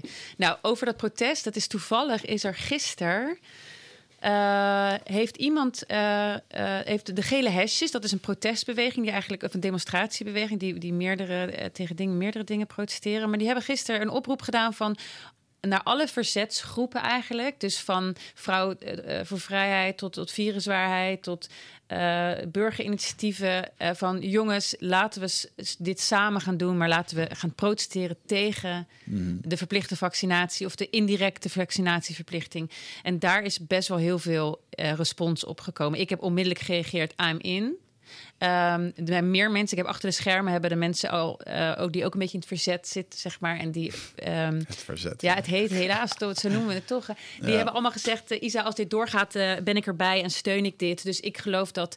Um, dat de eerstvolgende, het eerstvolgende echte grote protest, dat gaat wel uh, heel groot worden als het over de anti-vaccinatie, uh, zeg maar de, de verplichte vaccinatieplicht. Nou, de indirecte, you get what, you know what I mean. Die gaat groot worden. Verder worden er elke week toch wel, of in ieder geval de laatste tijd worden er best wel veel demonstraties uh, gehouden, ook voor de rechten van het kind. Morgen, zaterdag is er weer een op het Malieveld. Ik zou gewoon iedereen toch aanraden van ga er een keertje heen. Want als je er een keertje heen bent geweest, dan zie je ook dat het best wel gezellig is. En dan durf je misschien ook de volgende keer te komen. Mm. Ik denk dat er in het nieuws best wel een beeld is neergezet dat het doodeng is. En dat er allemaal meloten afkomen. Dat iedereen met bloedend hoofd weggaat. Dat is helemaal niet waar. Um, het leek eerder een festival afgelopen zaterdag dan. Het was gewoon echt een manifestatie. Dus ik zou toch zeggen, ga een keertje ja. voorzichtig naar zo'n demonstratie. Als dat ja. Blijf lekker aan de randen en ga eens kijken hoe dat voor jou voelt. Um, en op de laatste vraag terug te komen. Wat ik doe met die maatregelen is. Uh, je kan niet elk gevecht aangaan. Hè? Dus in dat, in dat openbaar vervoer uh, moet je dan zo'n mondkapje op. En in bepaalde plekken vragen ze je mondkapje op te doen. En ik zeg eigenlijk wel altijd van... ik sta hier niet achter, want het werkt niet. Dus ik wil het gewoon liever niet. Ik, ik snap niet zo goed waarom ik dit moet als het niet helpt. En daarmee heb ik dan... Ik doe dat bijna elke keer ga ik toch op zo'n manier van... Ik, ik vind het lastig wat je me nu vraagt. Mm -hmm. um, je houdt het bij jezelf. Ja. ja. En, en, dat, en moet je voorstellen, als iedereen dat zou doen... tegen iedereen die uh, probeert die regels op te leggen. Want, want iedereen heeft iemand boven zich zitten die zegt... jij moet dat opleggen. Zelfs de, de kappers die moeten de, hun, hun, klanten dat straks opzetten. Want dat moet, omdat ze anders een boete krijgen, snap je? Dus, mm. dus er zijn heel veel lagen van, van mensen die zeggen, maar het moet van boven. Maar als iedereen van onderaf tegen die boven, bovenste laag zegt, of de laag boven, van joh, ik heb hier moeite mee, dan ga je ook bij de mensen die het moeten handhaven, ga je ook twijfels creëren. Mm -hmm. Dus geef aan dat je het niet fijn vindt. Je hoeft niet gelijk uh, op een zeepkist te gaan staan en, en, en, weet je wel, en te zeggen nooit. Ik bedoel, ja. misschien moet je maar af en toe opzetten, maar laat horen dat je er niet achter staat. Ja, ja. Dat is echt de grootste les die ik in mijn relatie heb geleerd met mijn vriendin. Die, als je het ergens niet mee eens bent, dan, dan zeg je gewoon hoe je je voelt. Dat is Ja. het enige wat je hoeft te doen. In plaats van te zeggen, ja, maar jullie en dit en dat Ja. en bla bla. Nee, gewoon zeggen van, nee, ik vind het niet eh, relaxed. Ik, eh, ik word er bang van, of het, ik, eh, ik ben het niet mee, ik voel me eenzaam, of ik, eh, whatever. Gewoon Ja. wat er in je omgaat. En dan moet iemand wel echt een fucking bot horik zijn, Ja. wil die daar overheen gaan. Ja, En, en, en dat is natuurlijk ook wat ik zie. Hè, met, het is heel makkelijk en, en eh, respect voor alle politieagenten, mensen in de zorg. Die, want die worden ook een soort van uithangbord van de overheid om tegenaan te trappen. Ja, En dat zie ik ook heel erg. Ehm, dat, is- dat is, dan ga je op een gegeven moment op je tandvlees lopen. Ja. En word je Ehm, gestrest? ja, gestrest. En dan, dan komen er allerlei reacties uit. Want daar, daar zit op een gegeven moment ook weer een, een tegenaanval in. En het zou zo mooi zijn als je gewoon inderdaad eh, zegt van jongens, eh, ja, ehm, ik ben het gewoon niet eens met, met het beleid. Want eh, ik ben gewoon bang voor mijn gezondheid of wat dan ook. Dan heb je een hele andere discussie dan, Ja. dan aangevallen. Dan kan je het gesprek aangaan. Oh, mag ik nog één uitsmijtertje? Zeker. Ja? Want ik, ik haak aan op wat jij zegt. Maar ehm, de BOA's en de politieagenten, weet je, die, eh, die, daar, ik probeer ze niet als beesten te zien. Want er zitten een hoop mensen bij ook die sowieso heel veel goed werk doen. Ik bedoel, eh, Ja. en, en geloof me, de, de, de, de- de- die zitten in een lastig pakket. Ik ken ze niet allemaal, ik kan niet voor iedereen spreken. Maar wat ik dus doe, als ik er eentje zie, dan ga ik toch even het gesprek aan. Mm, Dus ik stond een tijd geleden stond ik bij de Bramladage. Ik bestelde een kaassoufflé en er stond een boa naast me die bestelde een bami schijf. Echt gebeurd. En ik vroeg haar van mag ik wat vragen? Ze zegt ja hoor. Ik zeg hoe is het voor jou om je werk nu te doen ja. in deze tijd? Oh, wow. En toen zei ze van nou lastig. Ze zegt ik zit er zo tussen, zei ze. Ik zeg dat lijkt me ontzettend ingewikkeld, want je moet het wordt toch een politieagentje spelen. En ze zegt ja, en het is helemaal lastig, want ik sta er helemaal niet achter. Nee. En ik zei, hoe zit het met je collega's? Ze zegt, er zijn heel veel mensen die hier niet achter staan. Het zijn gewoon mensen. Het zijn gewoon mensen. Dus ik zou zeggen, als je wat wilt doen, eh, maak een praatje met een uniform. Vanuit betrokkenheid en liefde. En blijf hun ook zien als mens. Want we hebben ze hard nodig, Ja, ja. in the end. Ja, zeker. Ja, ja ik, ehm, ik zou nog wel vier uur met je willen kletsen. Maar we moeten het een beetje gaan afronden.